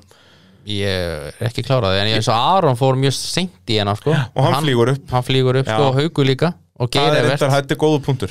Og þeir voru nokkur búin að spóla þess í þessu þarna í mittiltíðinni. En var, hvað, var skúli og undan snorra í Nei, snorri voru undan Snorri var á undan. Ég held að Já, hann- Snorri hafi farið bara þriði í. Ég held að hann fer hann ekki bara eftir ása. Ég held það, jú Minni það ási, Þannig að þannig hann að hann svona- er rauninni snorri er í rauninni bara annar bíl til að komast í andabarðið. Já, en ég Þannig að- held að það var eitthvað bara betra að fara setna í brautina sko. Já, já, algjörlega. Ég er, og þetta er sennilega góða punktur hjá þér að snorri var pínu óheppin með rásröða þarna og, og En svona er náttúrulega, þess er, er dreigið rásu Þannig að sumi lendi, sumi ekki Þetta er náttúrulega algjörlega. skemmtilega viðurunni Þetta er bara lottóið að, hérna, að, og það er rauninni ekkert hægt að gera þetta neitt öðruvísi. Þetta er eins fer og þetta verður bara að já. rásröð. Og hérna, þannig að snúr, snorri lendi í því að, að fara þarna fyrir og færi og tapar þar með 110 stigum á á skúla og þá er skúli komin á undan. Skúli komin í fyrsta seti eftir að hafa verið sjöunda eftir tímabrautina. Þetta Já. er fljótt að gerast. Og Atli Jamil hann eh, kemst heldur ekki aðna upp og núna er, þá er hann komin í, í síðasta sæti af þessum topp 7 Já, En hann hann bjargaði sér snildir að fá veltu þannig samt. Já, það er, eh, ég held að svona að mínum mati fannst mér það að vera tilþjóravelunin en það var skúli sem fekk tilþjóravelun Já, svona, við vorum aðeins að tala um þetta hérna fyrir þátt að uh, gott ef hann fekk þetta ekki bara svona fyrir svona alls konar tilþrifirunni, kannski ekki eitthvað eitt ákveðið.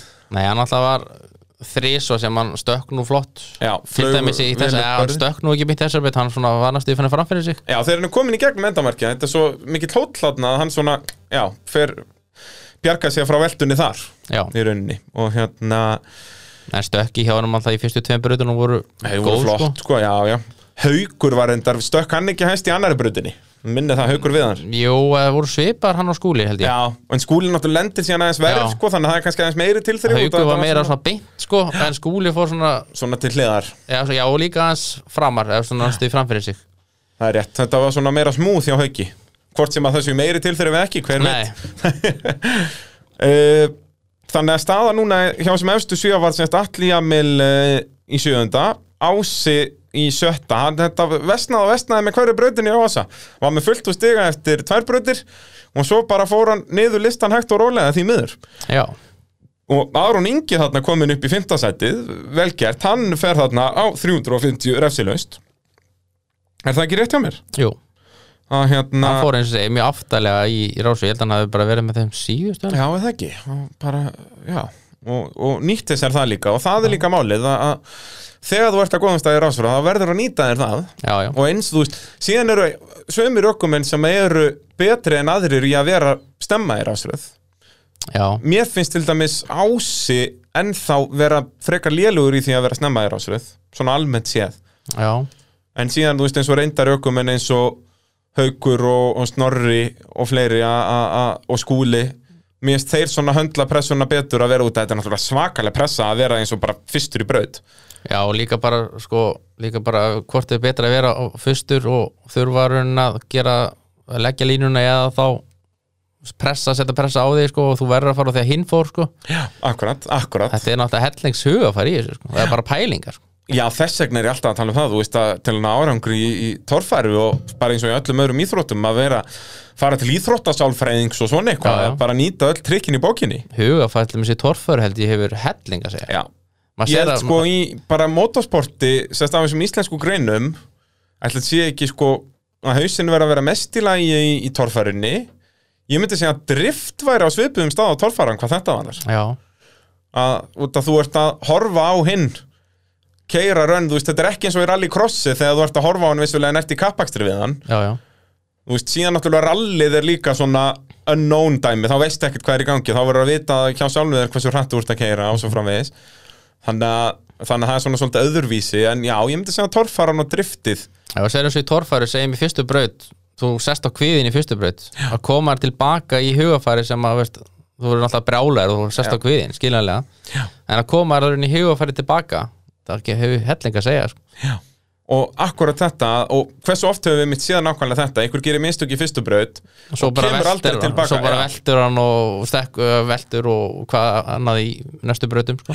og síðan á semst hinliðanategningnum að alltaf ef við sjáum eitthvað ná sínum fyrsta velunapalli eða aðalega sínum fyrsta sigri þá verður sá ökumaður aldrei lélegur eins og hann var þannig, veist, þá er hann bara komin á ákveði level hugafarslega séð. Bíllinn er ekkert búin að skána veist, aðstæðar hafa ekkert skána, eina sem er búin að breytast er að nú veit hann að hann getur unnið og þá setur hann bara öðruvísi pressu á sjálfan sig í runni og við sáum, þú veist, mérst haukur viðar besta dæmi um þetta, um leið og hann vann sína fyrstu keppni hann hefur bara verið í toppslagnum síðan. Já, það er bara og, og eins og er hugafærið í tólfærinu, þetta hefur helling að segja uh, Geirivert er þarna í fjórðasætti, hann fer vissulega þarna upp en fær 100 refsistig. Já, hann fær held ég bara 50 í alltaf. Já, en ég held að eitthvað af þessum refsingum hafi síðan verið tekið tilbaka þetta Já. er þess að þegar þeir skoðuðu dómararnir vídeo af þessu setna að þá leðréttuður það og, og bara frábært frábært jobb hjá dómarunum þarna. Það er hún ekki, ég get ekki sett út á neitt núna ég var duglegur að setja út á það hérna á eigilstöðum Já, en hérna, en þetta er náttúrulega óeigingjast starfið bara í torfærinni og eitthvað sem ég myndi alls ekki vilja gera. Nei, og sér bara ef maður skoðar íþróttir, íþróttir almennt dómarinn, bara eins og dómar í fótbolta handbolta eða hvað það er, skilur, hann er það er mikið ála á hann, sko. Já, þau menna hann fær aldrei það er aldrei klappa fyrir honum, sko. Eina, ef ykkur talar við hann, þá er hann að segja eitthvað neikvætt við hann, Já, já, það er bara svo leiðis og það er alveg eins í torfæru já, það, er- fólk gerir mjög lítið af því, jú, jú, það kemur oft í eitthvað svona þakkapostum, svona ég ætla að þakka, þakka þessum, þessum, þessum, þessum og dómarunum. En það er aldrei eitthvað svona sérstætt komið, heyrðu Gunni Gunn var heldur betur góður í dag. Eitthvað svona skiluru eitthvað dómararnir af, afburða góður í dag. Annarkvort, ef þeir gera allt rétt þá tekur ekki eftir því, já. skiluru það er bara ef þeir gera eitthvað vitlaust að þá skúlátt að vinna bli, bli, bli, eitthvað svona skiluru já. og ég er alveg sekur um það og, og viðurkenni það alveg en ég reynir líka yfirleitt að útskýra fyrir fólki hversu erfitt þetta er og eins og á eigilstöðum þar sem að voru vissulega einhver, einhverjar villur og hvað það hefði kannski ekki beint verið dómarannir að kenna frekar einhverjar hérna verið að skrá eitthvað vittlast og svo leiðis að þetta eru bara manneskjur. Þeir sjá að til dæmis ekki gegnum rík Nei, þessi betur fyrir að blöndu sem var nú öllítið, eiginlega ekkert rík Nei, Það Það- ringdi að það ringdi að bara helli ringdi um nóttina. Þetta var bara eins og ég segi, það var allt fullkomið við þessa keppni. Já. við erum alltaf að tala um þetta. Heyrðu, pældi að það væri bara sól og blíða en rigning um nóttina, við fengum það. Við höfum, það hefur verið fínt að fá svoleiðis á eigistu ójá Helst, Það það hefur reynda þurft að rigna eiginlega þrem dugum fyrir keppni held ég. Já, og bara í þrjá daga streit Já. það er bara út að hafa búið að vera þurrkur þarna bara, eins og við tölum í síðasta þætti. Það kom síðasta úrkoma þarna fyrir austan var bara snjókoma eitthvað tíman í Já. apríl Þannig að, að, en já, bara gott sjátt á dómarana. Það er bara svoleiðis, það, þetta var ekki hægt án þeirra.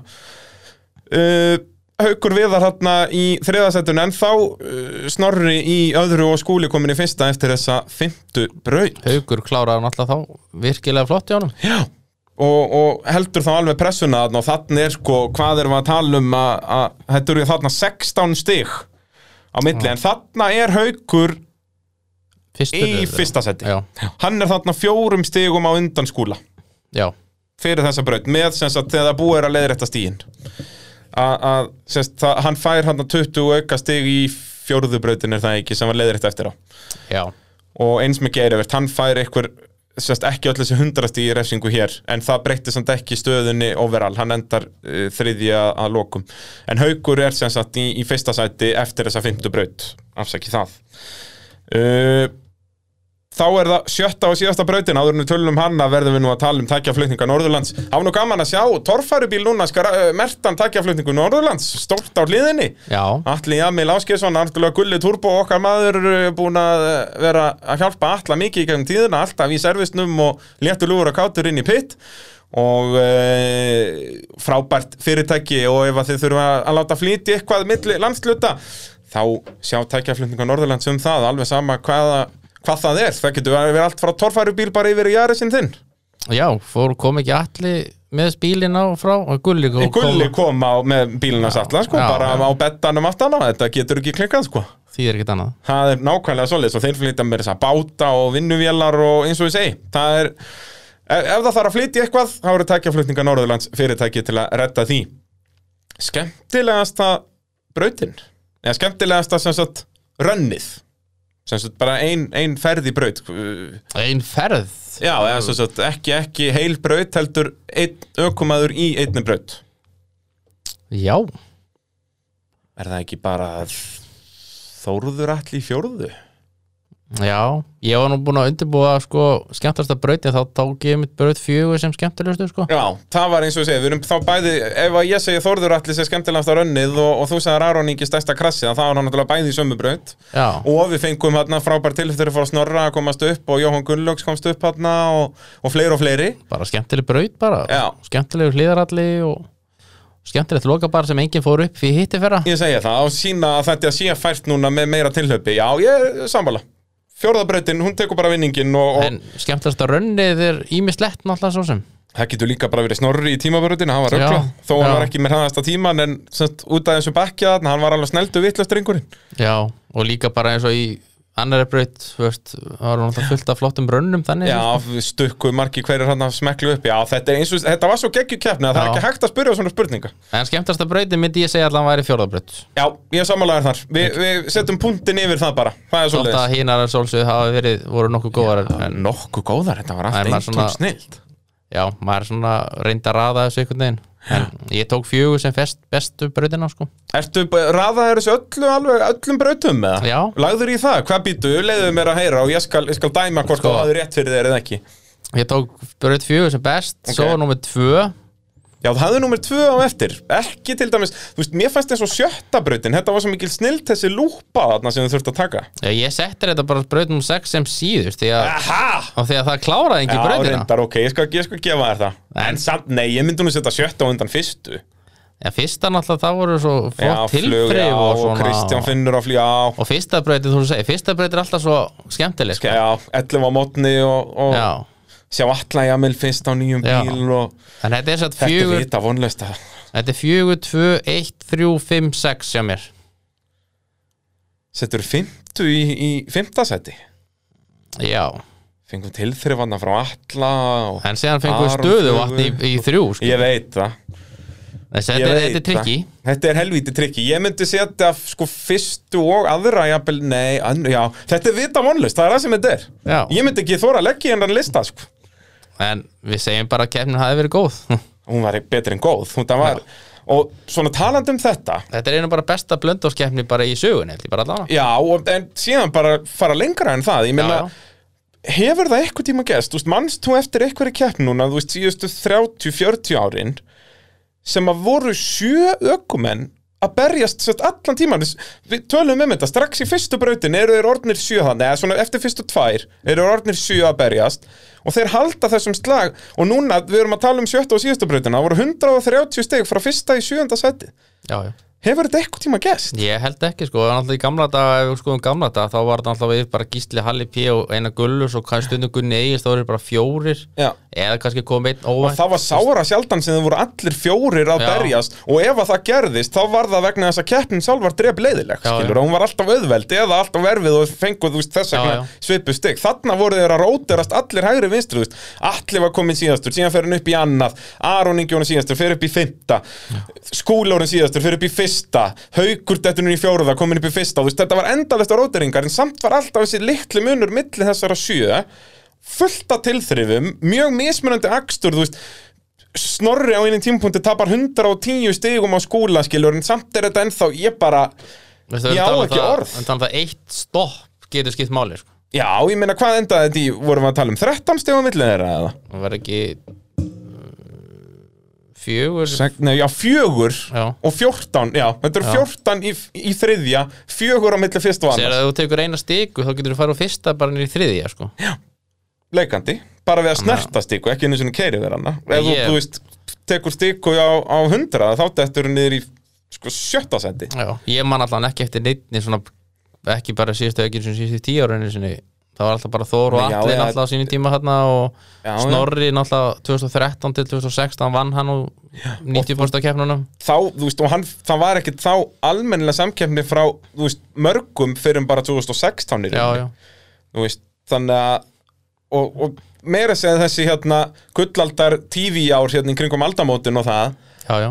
þá voru þeir aldrei, það var alltaf bara þeir voru kannski þrýr í toppslagnum ef að, veist, ef að Björningi og Siggi náðu að berjast við Gísla og Halla skiluru Já, og Gunnar Áskis stunduminn var aldrei yfir heila keppni. Nei, nei, þetta var kannski svona þeir voru mestarlega 3-4 sko. Já. Þú já, veist, eins og ég segi það, þetta, þessi blöndóskeppni gæti hreinlega verið skemmtilegasta torfærukeppni Íslandsugunar já, hún, er, hún fer leikandi í top 10 leikandi. Já, já, já. Sérstaklega ef þú horfur allan já, segja, á spennuna og tilþrifin og brautalagningu og, og keppnisaldi og allt þetta þá, þá getur hún alveg verið það, já. Þú veist, allavega svona ef við tölum um frá því að það var byrjað að sína frá torfæri í sjónvarpi ég meina það gæti að hafa verið fullt áhuga að vera um keppnum í eldgamla daga skilur Já, já, og, og á, áhuga að vera þá á allt öðruvísi hátt en þær eru í dag. En, en sem sagt, jú, jú, hefðu geta verið það. Við náttúrulega getum ekki dæmt um það, var byrjað að keppa 1965 ég ætla, já, ég ætla bara að henda þess út í kosmosin þetta er skemmtilegasta torfærukeppni Í sögu torfarinnar í sögu torfærunar sem er orðin hvað, 50 og, nei, sem er ekki 60 ára núna? Hvað, þetta er 65 2015 var 50 var ára. Hún 50 ára þannig að 2025 verður hún 60 hún er, hún er, hún er 56 ára. Já, ég ætla, ég ætla að henda því út. Já. Ég ætla, ég ætla ekki að staðfesta þetta en, en Ég er nokkuð samanlega, við getum allan að staðfest top 3 já, ég held að hún, þetta- hún kemst í topp 3 yfir skemmtilegustu keppnir yfir Já, út að hún hafði allt, hún hafði, þú veist ég er alltaf að tala um Grindavík 2001 bara út af lokabarðinu og þá var líka mikið öðrum tilþrifum og mikið drama og allt þetta sko. Já það var alltaf svo þvílík bara þetta í Íslandsmóti Ímynda er að þessi keppni hefði verið síðasta keppni tímabilsins og, og þeir væri skilur, já, ef að skúli og snorri væri þarna að berjast um titil og Já, allt þetta. kannski tveimur stigum Íslandsmóti fyrir keppni eða eitthvað. Sem að gæti verið, sko, ef maður horfir tilbaka gæti þessi keppni haft þannig áhrif á já. Íslandsmótið, en við ekki erum alltaf, er, sko, svo er alltaf kostunum við að BA er með síðustu keppnin á Akureyri. Já, Hvað gerist þá? þetta verður, þetta verður rándýrt og líka sex keppna tímabil aftur eftir bara fjórar í fyrra en já, þessi blönd og ég er ekki bara að segja þetta svo að fólk fara að kaupa aðgang að streyminu inn á motorsport.is þó er ég sjálfsögð að gera það því að þar getið hort á skemmtilegustu torfærakeppni Íslandsugunar hvernig fannst þér þetta plögg? Þetta er geggja sko. En þetta, já, ég, ég, er, ég er ennþá orðlaus, ég man að ég var svona alla útsendinguna líka Já. Ég bara trúði ekki hvað var að gerast og við vorum með live stigatöfluna, við sáum þetta allt bara hann Allur pakkin Heyrðu, ég var að tala um sjöttubraut Já, áður en að við algjörlega fyrir að missa vitið hérna. Þar fer engin upp. Nei, Þess vegna setur þú hana í síðasta seti og það kannski sýnir líka gæði keppnunar að þessi braut fyrir síðasta seti En mér fannst þessi lúpa, sko, ef ég útskýra þetta fyrir áhörendum sem voru ekki á stannum og hafa ekki séð þetta að þá er þetta sem sagt uh, hliðarhalli og það er efra hlið og neðra hlið svona svipa á tímabyrðin áttur að hellu svoleiðslið Já, sest, þeir áttu að byrja að fara í gegnum efra hliðið taka 180 gráðu beigju og svo aðra 90 gráðu. Þetta voru 270 gráðu beigja sem þeir áttu að taka en náttúrulega þurft að fara niður á við á einum kapla nema náttúrulega út að síðan skiptist þetta í tvent sumir ákvaða að beigja til hægri beigja upp í móti og fara í Já. rauninu öfuga stefnu sem að ég dómararnir tólkuði allavega að væra löglegt, þú veist að stendur eitthvað staðar að þú átt, mátt ekki fara í öfu og akstu stefnu en ég held að í þessu tilfelli ert aldrei í teknilega síðan fara í öfu og akstu stefnu. Þú varst bara að snúa bílum á punktinum þú varst ekki að keira í vitlega sátt þannig að það er bara, ég fílaði það. Og, og síðan voru nokkri sem að beigðu niður til vinstri og tóku bakkið Já. og snýr honum á punktinum með því að bakka. Svo reyndi ási að gera þetta bara eins og átt að gera þetta og velti á, á jafnsléttu. Sem er alltaf jafn plebbalegt og, og gaman og það svona svolítið kóronaði þessa síðustu breytir í ása. Eins vel og keppnin byrjaði að þá endar hann í sjöunda sæti hann að það var fyrstu líka. Þannig Já, að hann, að raunin að leggja bara línuna hvernig átt að gera þetta. En mér þótt þetta nefnilega svo gaman að sjá af því að þetta er ekki eitthvað svona hindurun sem ykkur er að fara að velta í eða eitthvað þannig nema ási.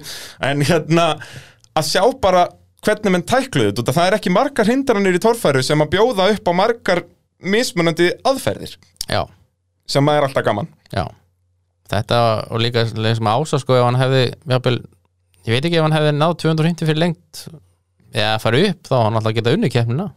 Já, leikandi. Það er hérna Ef hann hefði farið 350 refsi laust Já, nei, hann hefði Ah. sennilega ekki náð fyrsta setinu. Nei, nei. Hann hefði náð sennilega kannski bara fjórða. Mm. Þetta er það knaft hann Já, hann hefði náð bara fjórða seti. Já, ok. Það er ekki betur en það held ég. Hann endar hérna 100 og eitthvað rúmum 100 stigum að eftir. Þannig að eh, Já, mér sýnist það, já, já. Hann hafði náð fjórðasettinu af snorra þá. En, en eh, sest, staðan í rauninni breyttist ekkert þetta milli efstu manna. Þetta er sérst Ási endarsjöðundi Atli Jamil þar á undan eh, Aron Ingi í fymta Frábær akstur hjá Aron Inga. Og Já. þú veist, jú, jú, ég, ég er að einblina svolítið á hann bara út af því hann, hann hefur ekki verið í þessum slag það sem hafur tímabils. Þú veist, það sem er gaman að sjá hann koma nýjan inn þannig í, slaginn og, og sjá stormin virka eins og hann á að virka. Þetta er einmitt það sem við erum að vonast eftir með hann að hann sé þarna sko því að hann alveg heima hann Ég segja það, við höfum séð það áður og hann þarf bara að gera það núna consistently. Atli Jamil í sjötta seti náttúrulega svekkjandi fyrir hann að, út að hann var í toppslagnum allan tíman en þetta sýnir líka hvað slagurinn er harður.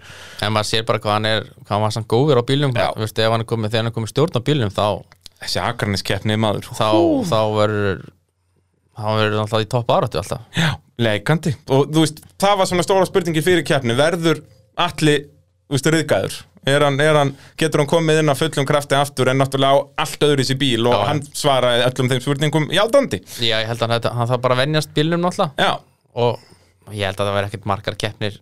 Hann geti svona verið bara í, í unni þessum agrana sem hann verður með sko, þess vegna það- sko. það hann verður allan að hugra akkur maður sem þóra að spá honum ekki í toppslæginu Já, Ég held að það sé svolítið þannig að hann verður 100% þarna í þessum Já, hvað þetta verða svo margir í þeim toppslag veit maður ekki, allavega þessi topp 7 já, og, og hver veit nema einhverju bætast í, í þann flokk. Uh, Snorri Þór Árnason þetta á nú líka svona stór frétt. Kongurinn sjálfur endar fjórði og þetta er í annað skiptið á hans langa ferli búin að keppa einhverjar hvað hátt í 25 keppnir. Og þetta er bara í annað skipti sem hann er ekki á velunarpalli. Já þetta, er, þetta er magnaður árókur samt þú veist, tvisa sinum utan topp til það er, það er gott sko. Já, ég meina við erum að rósa hérna ökumönnum sem hafa, þú veist, Aron Ingi hann hefur einu sinni náð Já, já, veist og Aron er búin að keppa fleiri keppnir en, en, en Snorri, sko, Aron er reynslu meiri en Snorri. Já, er það ekki?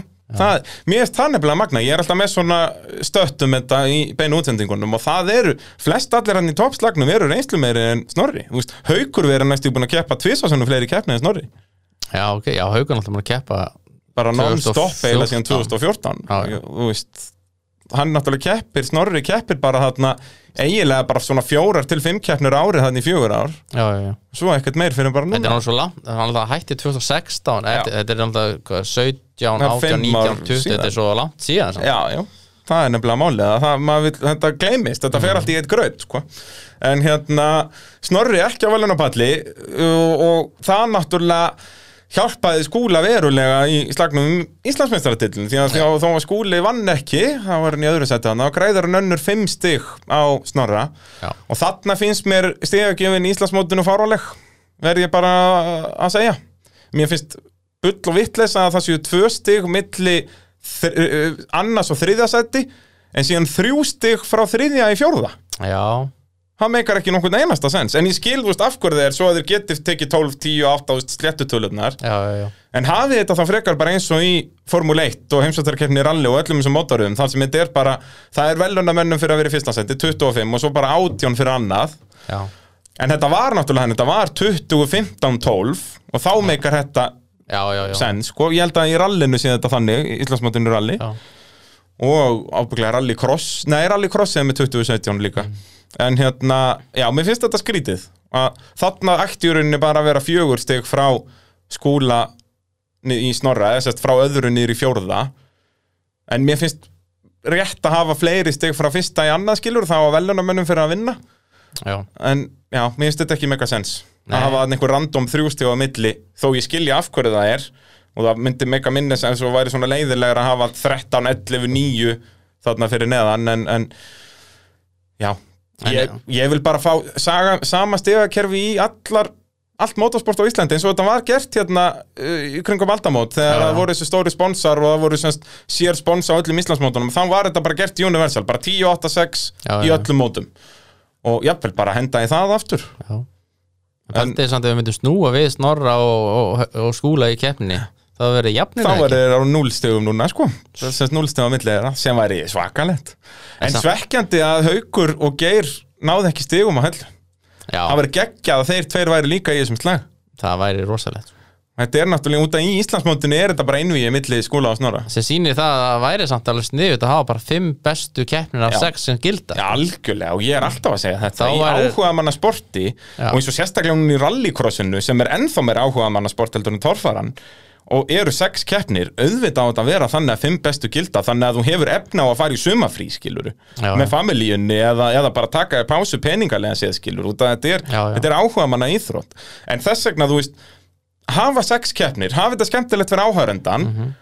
en að gera þetta geranlegra fyrir keppendur með að hafa fimm bestu gilda Já, og þá verður líka Íslandsmótin skemmtilegra fyrir áhærendan skilur það er, allir vinna finnst mér Mhm. þetta er allavega bara vinn-vinn dýl sko. þetta er vinn-vinn-vinn sko. það er bara, það er akkurat svoleiðis þannig að, að þetta er eitthvað sem ætti skoða í vetur það, ég elska að vera bara svona ykkur pyrraður gæði með podcast að segja hvað allir er að gera allt vittlust og þetta stigakerfi glata og glata að gera þetta og, og dómararnir kunni ekki neitt og, da, da, da, og ég, þú veist, ég er ekki að fara að mæta á neina aðalfundi að fara að leggja fram einhverja tillögur sko, ég býst við bara aðrir geri það Já, eftir já. að hlusti á þvaðrið í mér sko.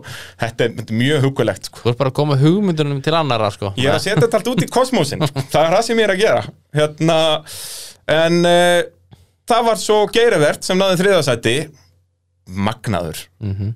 Á nýju slekkinu og þessi bíl við tölum um þetta áðan Hann lofa góðu Já, Það er, þetta bara geggjaður rekstur hjá hann bara, maður sá náttúrulega og í tímabörðinu svo sem hann Já. var gegg, ég sá okkar myndum núna þá var hann að keira, hann var svo snöggur sko, hann er að keira og hann alltaf hann er að keira í öldun eftir sjálfan sig já, sko. Þetta er geggja Var þetta ekki frá Bergi minni með þessu ég mynd? held það Þetta lítur líka út eins og hann sé bara að keira út, út í sjó Já, já. Þetta eru svona sest, öldur sem eru ekkert að brotna þannig heldur bara svona öldugangur sem hann er að keira yfir og ef maður myndi kroppa myndina þannig að það sest, sjáist Bara vatn, bara. Já, bara vatni, þá er bara, hann gæti verið að keira bara í já, Þetta er geggjað Ég ætli ég verið ekki að nota þessa myndi í eitthvað svona thumbnail á YouTube. Það gæti, gæti verið svoleiði sko.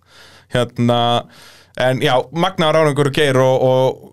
veljan að pallur önnur keppni í röð Mhm. bara, og maður sá það strax á eilstöðum hann er farin að fíla hennar bíl virkilega vel og, og, og í rauninni, já, um leið og hann setti aðeins heitari knastását nýjan að þá er þetta allt annað, þegar hann er að spark honum aðeins upp á snúning og svo tekur nýtróðu við og, og, þannig að þetta er alveg eins og ég segi, þá við köllum þetta eitthvað húsbílamótor og þá, þetta er bara að fátta vel þetta er, Já, já. þetta er alveg fínasti mótor svo náttúrulega eins og Akranes er náttúrulega ekki eins háar brekkur þannig að- þannig að að.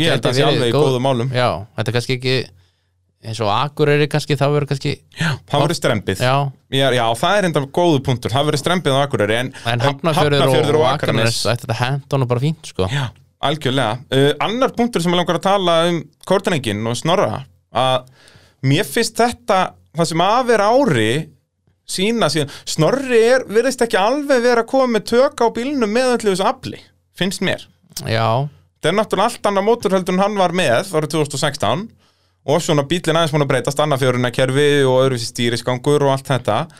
En svo finnst mér þetta líka sanna það hvað Þór Þormar var orðin góður ökumæður já, eins mikið og hann strögglaði fyrsta tímabili sitt þarna 2017 á bílnum.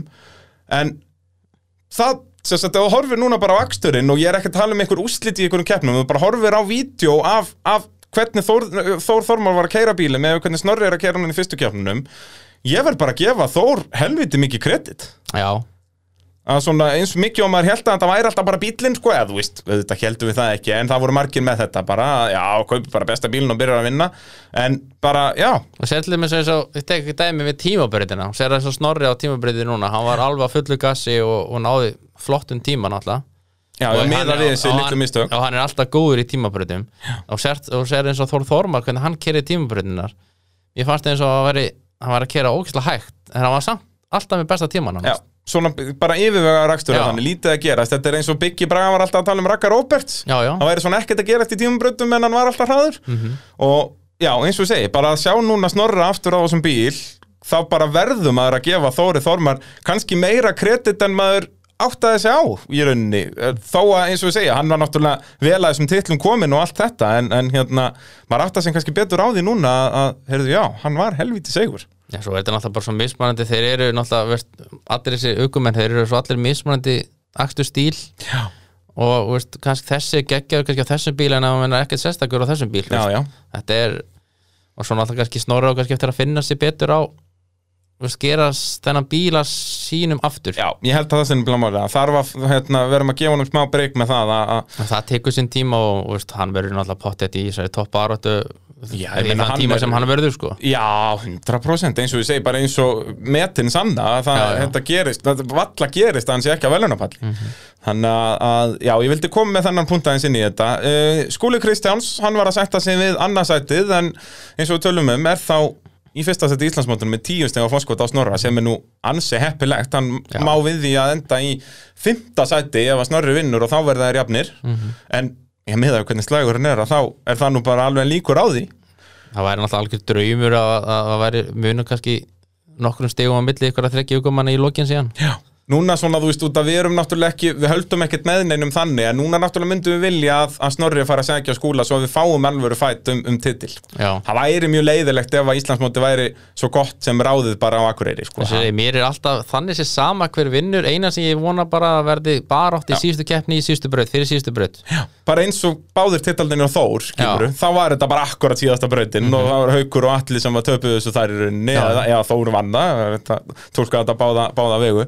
Og það, ég er nákvæmlega sammálaður þar, bara þannig að þetta sé hörkust lagur allt til enda. Leiðilegt eins og núna með en svakalega slag að við fáum ekki fleiri í slæginum titilinn en þetta gerir það áhugaverðara þú veist, minnstu mistök og þú ert dottinir í áttundasæti eða sjöðundasæti, skilur Það er sem við vorum að tala um eins og með Geiri og Haug þótt þeir kannski sé ekki alveg í baráttin eins og er maður veit aldrei hvað gerist. Já, en þeir geta ef að- alltaf trublað eins og núna þeir trublu baráttan að þvílít sko. Já, já. Já, bara eins og haukur, ég meina hann ná alveg raunhafa möguleika á að ná snorra Já, og ef að það skúli dettur út úr einni keppni eins og við sáum í fyrra Já, og sáum, þú veist, í pollunum núna þetta er ennþá ekki alveg fullkomið hjá honum að þá er þetta allt búið að galopnast Mhm. getur allt ír að- En náttúrulega skúli er með þetta svolítið í hendi sér. Hann er alltaf góður á Akranesi. Alltaf. Já, já. Hann líka var- bara ef að bílinn er í lægi þá er hann alltaf í top 3 sko. Mér finnst svo dásamlegt að fylgjast með þessum ökumanni. Hvernig sko. hann er hann er svona eins og bara eitthvað, eitthvað vélmenni að kera þetta. Mhm. mér finnst alltaf í öllum brautum eins og hann sé að keira bílinn hann er að taka nákvæmlega jafn mikið út úr bílnum og hann þarf. Já, já, skilur hvað ég minna, þú veist, ok, hér kemur barð ég þarf bara svona að gefa 70% inn hérna og hann hoppar hann upp Já, já. ég þarf bara að gefa svona mikið inn ég þarf bara að beigja svona, það er eins og þetta eins og ég segja, hann sé bara eitthvað svona vélmenni. Og sér það sko, segist Magna í þessari keppni hann náði 350 stigum clean í þremu brautum en vinnur samt ekki keppnina. Já, nákvæmlega.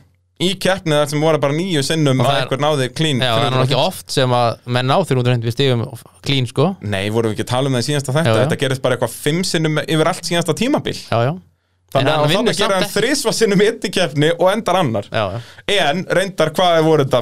Fjögur, fjórum stigum á eftir fyrsta já setinu reyndar. Þetta er bara rugl sko. En Haukur Viðar Einarsson, Sigurvegarinn á Blöndósi Hann á, þetta er bara hans he heima völlur Já, já, hann alltaf vann 2019 og Og var, fyrsti Já, hans öðru sæti 2015 15 já, á, á uh, Tasinum sem er uh, vikingurinn í dag. Já, gamli hlungurinn Gamli hlungurinn, sem var samt nýju hlungurinn þá. Er þetta nokkuð flókið? Nei, nei, Við vitum alveg hvað við erum að tala um, ég veit ekkert hvort eitthvað aðri gerir það. Nei, nei. Nei, nei, enda, enda eintón vittlesa sem kemur upp úr okkur. Já, já, við erum bara að vinna hérna sko. En Haukur Veður Einarsson, já, hann myndi á sig. Já. Hann, er, hann hefur engu glemt Hann svona fór lítið fyrir honum á Egilstöðum Náttúrulega var ekki með á hellu. Mhm. uh, Var í einhverju smá basli með bílinn á Egilstöðum og, og var bara ekki kannski að keira alveg eins og hann á að gera uh, Fyrsta keppni á tímabilinu fyrir hann. Uh, Var fjórði, það er það ekki, jú. Jú. Svo bara gera, kemur hann hér og, og vinnur og að vinna líka þennan slag. Það er, Já, það er vel gert eins og mm -hmm. um að vinna skúla sem að fær þriðsvásinum 350 stig. En þá er líka hægt að horfa svolítið tilbaka að skúli vinnur þetta, nei að haugur vinnur svolítið í tímabröndinni já, það er, ef maður svona ferir við stíin hann alltaf tók slatta stegum þar svona það. Já og tekur þar skiluru 150 stig af, ekki alveg svona 130 stig af skúla. Já, sérstaklega því að hann alltaf kláraði í rauninni, já, hann kláraði sko skúli kláraði alla brau, eða, fjóra brautir af sex. Haugu kláraði alltaf bara hvað, þrjár af sex hann klára fyrstu aðra og hann klárar ekki fjóruðu hann veltir í fjóruðu og klárar fymtu já, hann klára 50, já, alveg rétt. Hann klárar ekki sjöttu, hann klárar alltaf engin sjöttu en, hann mun, en skúli kláraði fjóruðu en ekki haugur, þannig Haukur. alltaf munar alltaf bara um tímabrautina Þar tapaði haukur einhverjum svona hundrastegum en græðir síðan hann einhver rétt rúmlega hundrað í, í tímabröðinni. Já. Svo var þetta bara spurningum litlu stikurnar hér og þar. Já, Þetta er bara, eins og ég segi, Blöndós torfæran árið 2021 er skemmtilegasta torfærukeppni Íslandsögunar. já, Það er, uh, ég við ætlum allavega að segja það núna og sjá svona hvernig það hvernig það kemur út. Vonandi fáum við þá bara einhver komment frá okkur heyrðu, nei, þú eru að gleyma þessari keppnum að hún var snild og það getur vel verið út og við erum náttúrulega að tala um á Ísland veist, þær hafa náttúrulega verið margar hverja mjög góðar veist, þegar Úti, það, já. já, eins og skíenkeppnar tveggjadagakeppnar hafa margar hverjir verið, þegar það eru skilur 30 keppendur og þá er alltaf eitthvað aksjón og hörkuslægur um fyrsta sæti og svo framvegis. Svona þegar Gísli G tók þetta þarna í skíin þarna. 2006, Það var geggjað sko. Já, setni dagurinn þá var snild, geggjaðbreytir þar. Við þurfum að fara að horfa alla torfærakefni aftur og meta Já, þetta svo. við þurfum að, bara með checklista þurfum að horfa hverja einustu keppni og vera nei, þessi er ekki af góð af gætur til dæmis gert topp 10 bestu veist, þetta, væri, þetta væri ógeðslega erfitt sko. Við þurftum að leggjast yfir þetta. Ég mannaði síðasta vetur, sko, þá gerði ég svona top 10 bestu Já, ökuminn já, það var náttúrulega bara En based þá- on titles eða ekki? Já, það var svona bara svart á hvítu bara hvað þú hefur unnið marga titla. Mhm. En náttúrulega með bestu keppnir þá væri þetta bara Við þurftum bara að stopna nefnd já, já, við þurfum að taka eina góða helgaferð eitthvað stærri og fara í Já, þetta Við förum bara í bústað og bara binsvotsum já. Þetta getur ekki klikkað Nei. Heyrðu, uh, þá held ég þetta sé komið ágætt hjá okkur Já, Það voru Óskar Jónsson og Haukur Veður Einarsson sem að stóðu upp sem sigurvegarar og fá þann titil að vinna skemmtilegustu torfærakeppni Íslandsjóðunar. en séðan kannski, kannski eins og, og Blöndós, þetta er 13. Blöndóskeppnin Það er rétt. Sturlu staðrind. Það var byrjað að keppa þér 2001. og hérna, skemmtilega við Blöndóskeppnina er, það er rosalega mikið um mismunandi sigurvera Já, það er enda góða puntur. Það er þess að búið að vera 13 keppnir, þetta var 13. keppnin Já. og nýju mismunandi sigurvera í sérbúlflokkin Hvað eru þeir? Eru þeir bara þrýr í sérubúnaflokki sem hafa náða að vinna tveisvarað oftar? Er þetta Já. Halli P, Halli- Gunni Trúður og núna Haukur? Já, Halli P. vann tvisvar, fyrstu tvö árin 2001 og 2002 Já, Gunni Gunni vann þrjú ári röð og Haugur tvö ári röð þannig sitt tvær keppnir í röð. Já. Síðan er þetta og það er nefnilega mikið af svona surprise vinnurum, það eru tveir sigurverðar sem að þetta er eina keppnin sem þeir hafa unnið, er það ekki? Björn Ingi vann 2003 Já, hann vann nú alveg nokkra keppnir. Já, með sínu fallega flugi í lokin. Já, þegar hann uh, rústar á sér óvibeininu og ég veit ekki hvað og hvað. þessi brekka sem er núna, ég held að Steini Bjarna og Guðbjörn getur bakka þetta upp núna, sko, þetta er hann svo auðvelt. Já, þeir voru, ég man í 2019 voru að nota þetta sem svona pröfunarhól, þú veist, Já. haukur þeitingur fór átn upp í hagagangi. Já, já. Og svo 2004 Helgi Gunnars, það var óvænt. Og það er einn af þessum ökum, það Já. er hans eini sigur Já. Og svo tók Gunni Gunn við þessu þrjú orðu röð. Já, Og svo Jón Leifsson, já.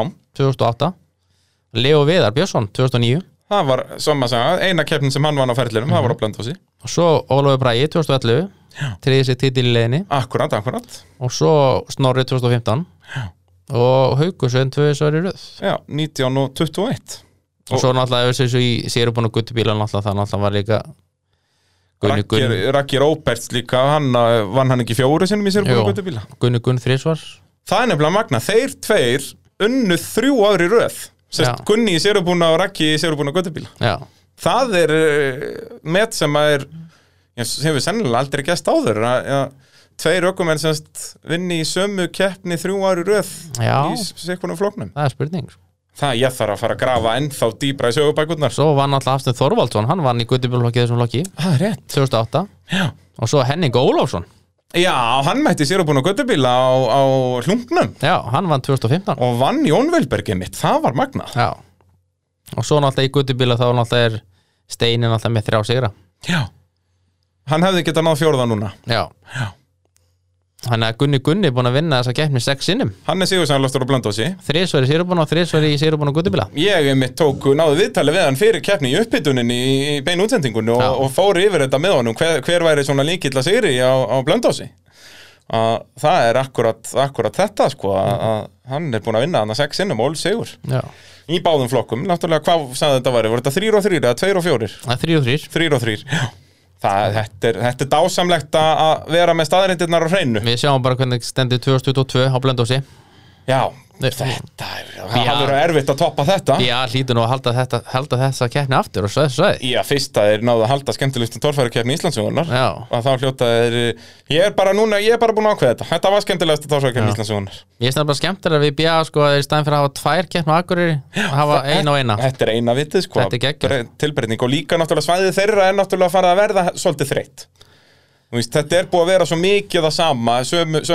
er að að veist, er að það að eru alltaf gaman að þessu en, Já, já, já.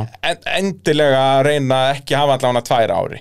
Hafa þetta eina ári líka út að við mistum hinn hólinn sem við prófum aðna einu sinni að vera svona eigilstaða stemmingin hann sem var hann já. 2017 núna er bara komið kvartmjölubröti yfir það allt saman.